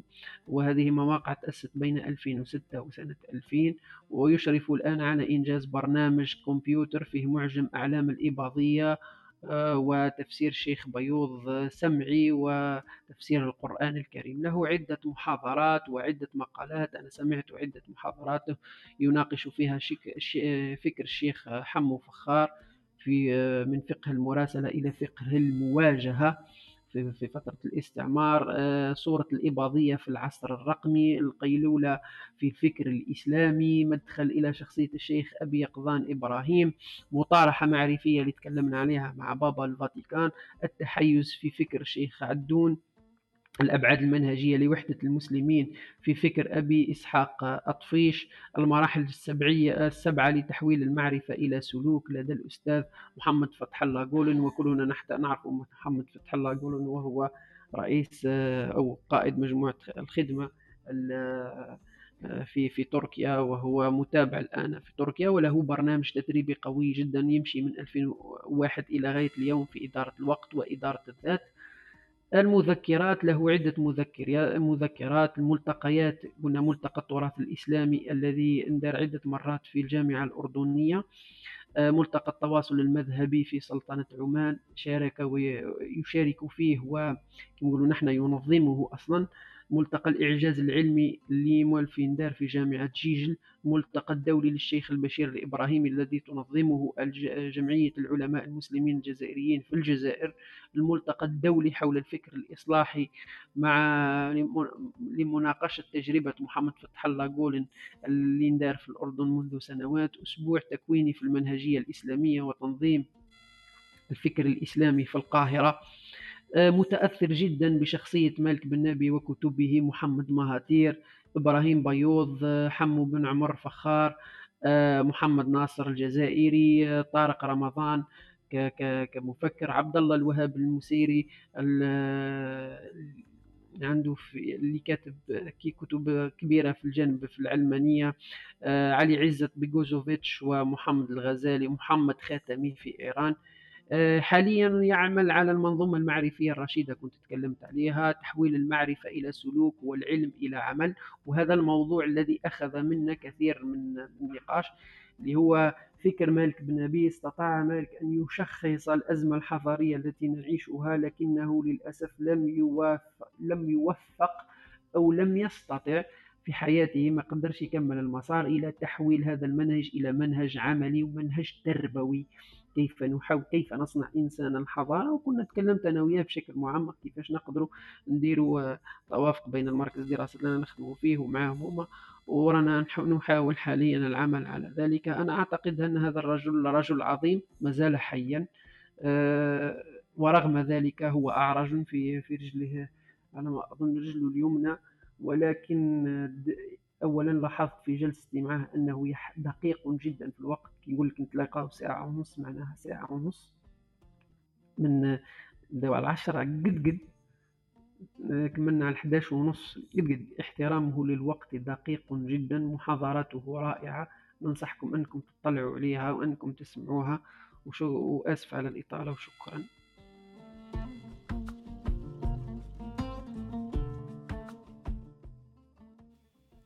بارك الله فيك دكتور محمد شريف بن جدو. شكرا. إحنا ما راناش قد قد مع الوقت اليوم دونك زدنا شوية لأنه كما نقولوا الأمر الأمر كما نقولوا يستدعي ذلك. إحنا في النقاط اللي حكيتهم صح محمد بابا عمي ما كناش نعرفوه. ويمكن هذه هي الفرصة اللطيفة إني أنا لما عرضت عليك الفكرة هذه تاع الكبسولة الفكرية والأدبية. يمكن بلا ما كنت نعرف إنه فيه مؤتمر نعم للجزائر علماؤها فالحمد لله. أنت يا راك ما شاء الله أنت هو المنبع تاعنا نعم للجزائر علماؤها تجسيدا وكما نقولوا حتى في في كبسولتنا العلمية إن شاء الله يكون نقطة وتجسيد لهذه الفكرة باش نعرفوا الجزائريين بعلمائهم. للصدفة برك وحسن الصدف خطنا هاجر راهي في إسطنبول. خونا صلاح من الإباضيين ومن غردايه ودائما مستمع وفي للقاءات تاعنا دركا برك كنت نشوف ما كانش معنا. لكن صلاح من الإباضيين وعندنا خونا يونس non خونا ياسين آه، من آه، من نور من النرويج وكان باش يتدخل قبيل هو عايش في نرويجيا لأنه أنت حكيت لنا قبيل على أنه محمد بابا علي كان عنده جامعة افتراضية في النرويج. فخونا ياسين ثانيك من المتتبعين والمداخلين تاعنا من النرويج و donc هذه برك حبيت نشوف اللطائف الأمور كيفاش كيفاش صرت بين محمد بابا علي والمداخلة اللي درتها اليوم. أستاذ محمد إبراهيم بيوض تحكي عليه دائما. هو كذلك من من غرداية؟ إبراهيم بيوض نعم هو هو من غرداية. هو كان في جمعية العلماء المسلمين وكان صديق مقرب جدا لعبد الحميد بن باتيس وكان يحارب في الفكر الفرنسي وضربه في العمق. حاليا التقيت أنا صديقي هو هو حفيده. justement هذه اللي أصلا صح. إبراهيم بيوض اسمه إبراهيم بيوض صح. يعني آه، ما شاء الله. آه، نعم الحفيد ومن ذلك الجد. ما شاء الله. أنا في المنطقة وين انايا كاين كاين العائلة البيوض وكاين واحد عالم حدنا عندنا اسمه البيوض. donc يمكن تشابه في الأسماء. بارك الله فيك. يعطيك الصحة وشكرا مرة ثانية المداخلة تاعك والاثراء هذا في في هذا الموضوع؟ وإن شاء الله يكون كما نقولوا جلسات واحدة أخرى ولقاءات واحدة أخرى ونتعرفوا على مفكرين وادباء وعلماء جزائريين خاصة إنه هذا المحور محور مهم مهم. هو الربط بين العلم والدين والحضارة والثقافة وكل شيء آه، كما نقولوا مترابط ومرتبط. وأكيد هذا المحور يهم خونا حميد بزاف بزاف حكاية التعليم والسلوكيات والعلم والحضارة. دونك هذوما محاور كلها كما نقولوا قريبة إلى قلوبنا وتهمنا بزاف. شكرا لك آه، محمد الشريف بن جدو دكتور على هذه المداخلات. كاين معايا وقيل كمال الدين كان يحب يدير مداخلة طفيفة ومن بعد نفوتوا يمكن لختام الحلقة. كمال الدين؟ تسمعوا فيها هكذا وي كمال الدين انت أنت راك سمعت وكما نقولوا كيف يسموها الخروبة ماهيش بعيدة عليكم بزاف والمعهد هذا يسموها معهد المناهج. أنا نقول لك سافو لابان كون جيت أنا قريب كيما أنت كان كان ضربت ليه دوره تفضل كمال الدين. إن شاء الله إن شاء الله أخويا أخويا طارق. سمحوا لي برك راني برا. آه، إن شاء الله بإذن الله نضرب ليه دورة و يديروا des des conférences من نقدر نعرف وقتاش يديروا des conférences كاين يمكن يكون عندهم موقع ولا أكيد لما تبحث تلقى موقع وعندهم الصفحه نتاعهم وكاينة أيضا صفحة تاع محمد بابا عمي لما تكون كاينة محاضرة اللي راهم يعيشوا وتقدر تشوف وتتابعهم تقدر تزورهم أيضا OK. كمال الدين كان عندك مداخلة ولا راك dérangé قلت لي راك برا تفضل عندي مداخلة. bon باش باش برك les points اللي حكينا عليهم حبيت ندير آه، حكاية صغيرة. برك على هي هذيك هي ديرنا هذيك هي الكلمة الختامية تاعك في في حوصلة. تفضل. صحيح. كان كنت سمع في واحد البودكاست آه، هذا واحد الإنسان عافانا الله كان كان تاجر مخدرات. bon جابوه جابوه يحكي في podcast parce que l'a tourné sa vie 360 درجة. كي وعلاش راني نحكي هذه الحكاية؟ سي السيد كي كان يحكي كان يحكي على كيفاش كيفاش هو بالنسبة ليه لقى المعنى تاع حياته ومشى بهذاك ال hope باش يعاود يقلب حياته. هذا هذا سي هو هو أمريكي وكان من كان عايش في مدينة تاع اسمه وين عايشين؟ bon عندهم discrimination تاع black black people كان حي إجرامي وكان تاجر مخدرات. السيد هذا يوم بعد تيك الحكموا عنده حكموا عنده la drogue وحكموا عليه بالحبس سبع سنوات. هو في هذوك السبع سنوات واش كان يدير؟ كان كان حكم كان كان يحكم كتابات تاع imagine خويا طارق كان يحكم كتابات تاع ال informatique ويقراهم. سبع سنين سبع سنين وهو يقرا في la théorie. ضرب سبع سنين قال لهم كل يوم كنت نقرا. كان كانوا كانوا عندهم الحق يشروا لهم يجيبوا لهم حاجة يدخلوها. كان كان يدخل معاه كتابات. هيا هذا يا وهذا الإنسان هذا كان كان كان مزوج. قال لهم الحاجة اللي كانت شدتني في الحبس هي أني ندير situation روحي ونبني عائلة. وكيما قال لهم كنت قال لهم كنت ملي découvrit هذاك ال monde تاع ال... تاع ال... تاع ال informatique و وكيفاش قادر قادر من والو يبني حاجة. قال لهم جور كانت شادت له حياته في الحبس سبع سنين عطاتها عطاتها مينينغ عطاتها معنى. ايا كي خرج من الحبس سبع سنوات وجر خرجوه قلب بحسن سلوك ولا حاجة هكذا. أه ما في اكزاكتومون الديتاي ل... إلى جر خرج. بعد زاد قال لهم أه ريح في الدار ثاني ضرب ست شهور. كان كانوا في راسو آه، بزاف les projets جاو في سبع سنين في سبع سنين هادو. alors il a il a créé son son il a créé un service ولا يبيع فيه في الانترنت. دوك السيد راهو ميسور ماليا وعنده ثلاث بنات و... وعايش وقال لهم كمل في الحياة وصلحها ولات حياته خير من بزاف ناس. donc voilà هذه حكاية. برك على على واش كنا نحكوا واش كنا نحكوا قبيله على المعنى والأمل. بارك الله فيك يعطيك الصحة أخويا كمال الدين وشكرا على المداخلة تاعك وعلى هذا القصة. كما قلت meaning in life donc عطات معنى للحياة تاعو. donc الوقت هذاك عرف كيفاش يستغلو وبالك بصدفة ولات هي المخرج تاعو. بارك الله فيك خويا كمال الدين. نفوتوا يمكن الكلمات الختامية لإنهاء الصباحية تاعنا هذه. نديروا برك هذا الفاصل ما قبل الختامي ونخليو مع الكلمات الختامية. بقاو معنا.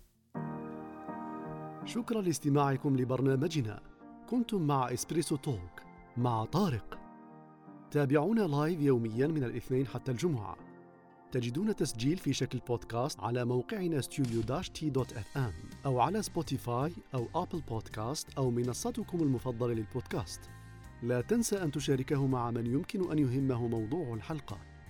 ليصلك تنبيه عند بدء غرفنا الرجاء الانضمام إلى ال club studio dash T dot FM عبر الضغط على البيت الأخضر في الأعلى.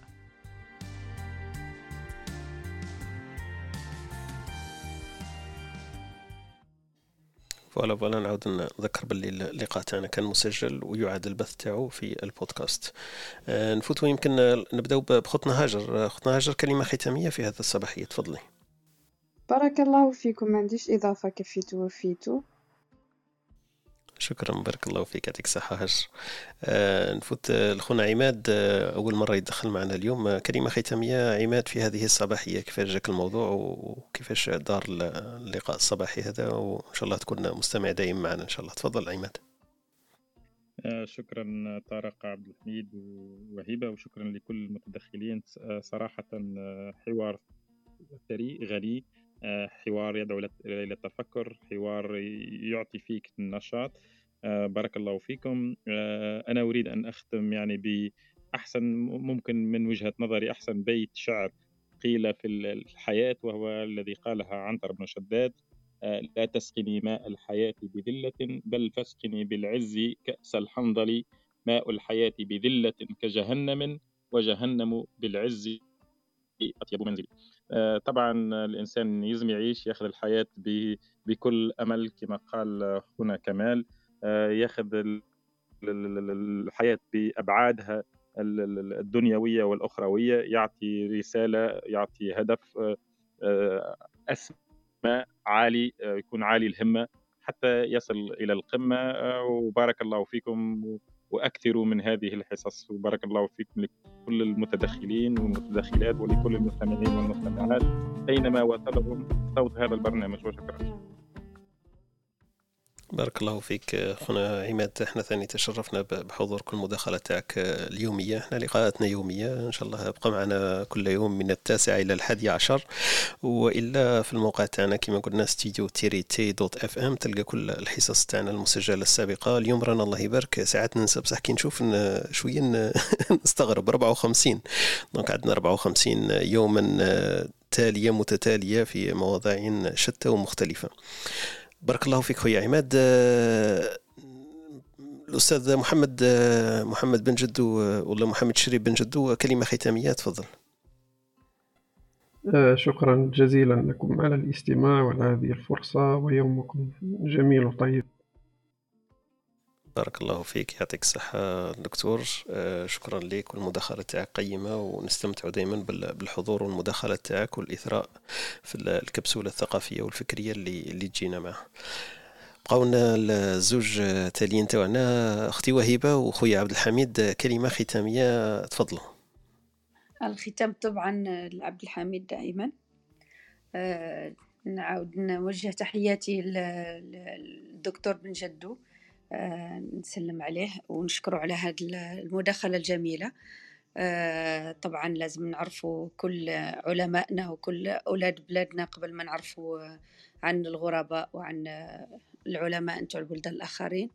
آه، شكرا لكم شكرا لكل المستمعين وإن شاء الله يا رب يجعلنا من الذين يزفرون بالحياة بالدنيا والآخرة إن شاء الله يجعلنا من من الذين إن شاء الله ناجحين وعملوا قدموا خلوا أثر جميل في الحياة وفي نفس الوقت عملوا لآخرتهم كما يجب وإن شاء الله يجعلنا وإياكم من أهل الجنة. آمين يا رب. شكرا. إلى الغد إن شاء الله. بارك الله فيك ويعطيك الصحة. إن شاء الله ويكثر من أمثالك. وشكرا على التعب والجهد تاعك واللقاء تاعك. ثاني دائما تشرفينا وتسعدينا بالحضور تاعك وبالأمثلة في الكبسولة الثقافية اليومية. آه، نفوتوا الختامها مسك آه، خونا حميد آه، الكلمة الأخيرة لك. علاش تحفني كاع هذه ختامها. مسك parce que كان يعرف بلي أنت هو اللي حتختم الحصه دائما تسمع ختامها مسك. هو حميد أنت هو المسك شو اليوم اليوم كي أنت آخر كلمة ونختموا الحصة. اليوم ما تسمع من عندي والو. آخر كلمة هي الحميد هي تفضل حميد. لا والله كي كنت كي كان الدكتور محمد يهدر على على العالم اخترت تشوف هكا الإنجازات. تبدا تقول تبدا تقول بلي كاين سبحان الله كاين حياة من حياة شو كاين واحد يعيش تحسب 600 حياة وواحد يعيش حياة وحدة. donc إلى دينا إلى دينا الحياة كشغل هندسيا هكا نقولوا باللي فيها الطول تاعها شغل هو العمر اللي نعيشوه ممكن. العرض تاعها ممكن شوية المعرفة اللي نكتسبوها والعمق ممكن الإنجازات. بصح مرات الإنجازات ما يكونوش من لازم donc إن شاء الله ربي سبحانه يعطينا في الطول هذاك اللي عطاه لنا بالسيف نعيشوه اللي ماناش عارفين واشحال ومجبر علينا إنه يكون عندنا العرض هذاك الملازم والعمق الملازم اللي اللي يخلينا نعيشوا سعادة إن شاء الله. والحياة اللي راهم يبدلوا عليها دروك les slogans راهم يقولوا pour une vie de succès ولا pour ولا pour pour pour avoir un succès ولا حياة ناجحة. alors que بكري كنا نقولوا حياة سعيدة.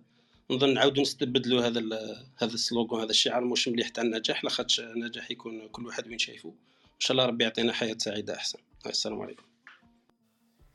بارك الله فيك حميد. كنت راح كنت راح نختم راح ندير slogan وبعد قلت الأخرين يقول لك كيف هذا؟ قصة فهم ولا كيف؟ لكن صح هو أنت هو ختامها المسك انت كي درنا الحوصلة هذيك اللي نستفيدوا بها. إحنا كاع بارك الله فيك يعطيك الصحة خويا حميد. آه، نسيت برك في الكبسولة اللغوية اليوم ما حكيناش على كلمتين نذكركم بهم ونديرهم إن شاء الله ختام اللقاء تاعنا اليوم. في في الأمور اللغوية يقول لك لا تقل حينها ولا تقل وقتها لأنه لا يوجد في العربية مثل هذه الكلمات. حينها وقتها ما كانش منهم في العربية. لكن اللي كاين في العربية هي حينئذ ووقتئذ. دونك في اللغة العربية ما كانش هذه قاعدين كلمة حينها ووقتها لكن يوجد كلمة وقتئذ وحينئذ. هذه في في باب اللغة. وكاين واحد واحد المقولة هكذا يمكن إحنا ثاني تخدمنا في في محورنا هذا ولا في اللقاءات تاعنا الصباحية. يقول لك أول العلم الصمت والثاني هو الاستماع والثالث هو الحفظ والرابع هو العمل والخامس هو نشره. donc نشر العلم الذي استمعنا له وحفظناه وعملنا به هو هذاك هو الخامس درجة العلم. donc voilà هذه قالها الأصمعي. donc هذه التذكير اللغوي يمكن اللي حبيت نذكركم به في هذه الصباحية. خونا خالد اليوم كان كان هو كما نقولوا الحاضر الغائب. donc افتقدناه. donc إن شاء الله نتلاقاو به غدوة. يكون معنا يمكن في اللقاء اللي راح نحكيو فيه غدوة إن شاء الله. عندنا الموضوعين اللي مازالوا. مازلنا البيئة ومازلنا الشيخوخه نحكيو إن شاء الله غدا على موضوع البيئة ويوم الخميس يكون موضوع الشيخوخه إن شاء الله. بارك الله فيكم ونشكركم كامل كلهم باسمه وعلى الحضور تاعكم على المشاركة تاعكم. نعاود نذكر بخوتنا اللي كانوا معنا في هذه الصباحية. كان معنا خونا ريان خوتنا ريم خونا الفاتح خوتنا أمينة لينا آه، ذكرى كانت معنا في هذا الصباح خوتنا سلوى معنا خونا عقبة المستمع الدائم وكلثوم وريما. كان معنا خالد وكان معنا دكتور سيمو. أهلا وسهلا بكم آه، في كل يوم. عندنا اللقاءات تاعنا اليومية من التاسعة إلى الحادية عشر. ونختار محور للدندنة حوله. وعندنا الكبسولات الثقافية والأدبية والعلمية اللي راهي ثابتة معنا في في كل يوم إن شاء الله. إن شاء الله تكون الاستفادة أنا أكيد استفدت من المداخلات وسماع تجارب الآخرين. وإن شاء الله نخرجوا بفائدة وبفكرة من من هذا اللقاء. بارك الله فيكم يوم سعيد للجميع ونلتقي إن شاء الله في روم أو آخر ولقاؤنا يوم الغد إذا كان في العمر بقية. وشكرا لكم مرة ثانية والسلام عليكم. أنتم تستمعون إلى إسبريسو توك مع طارق. يأتيكم يوميا ما عدا السبت والأحد من التاسعة إلى الحادية عشر بتوقيت أوروبا الوسطى وبيرن. تجدون فيها موسيقى حوارات أقوال عبر وعبارات. استمتاع واستفادة يوميا.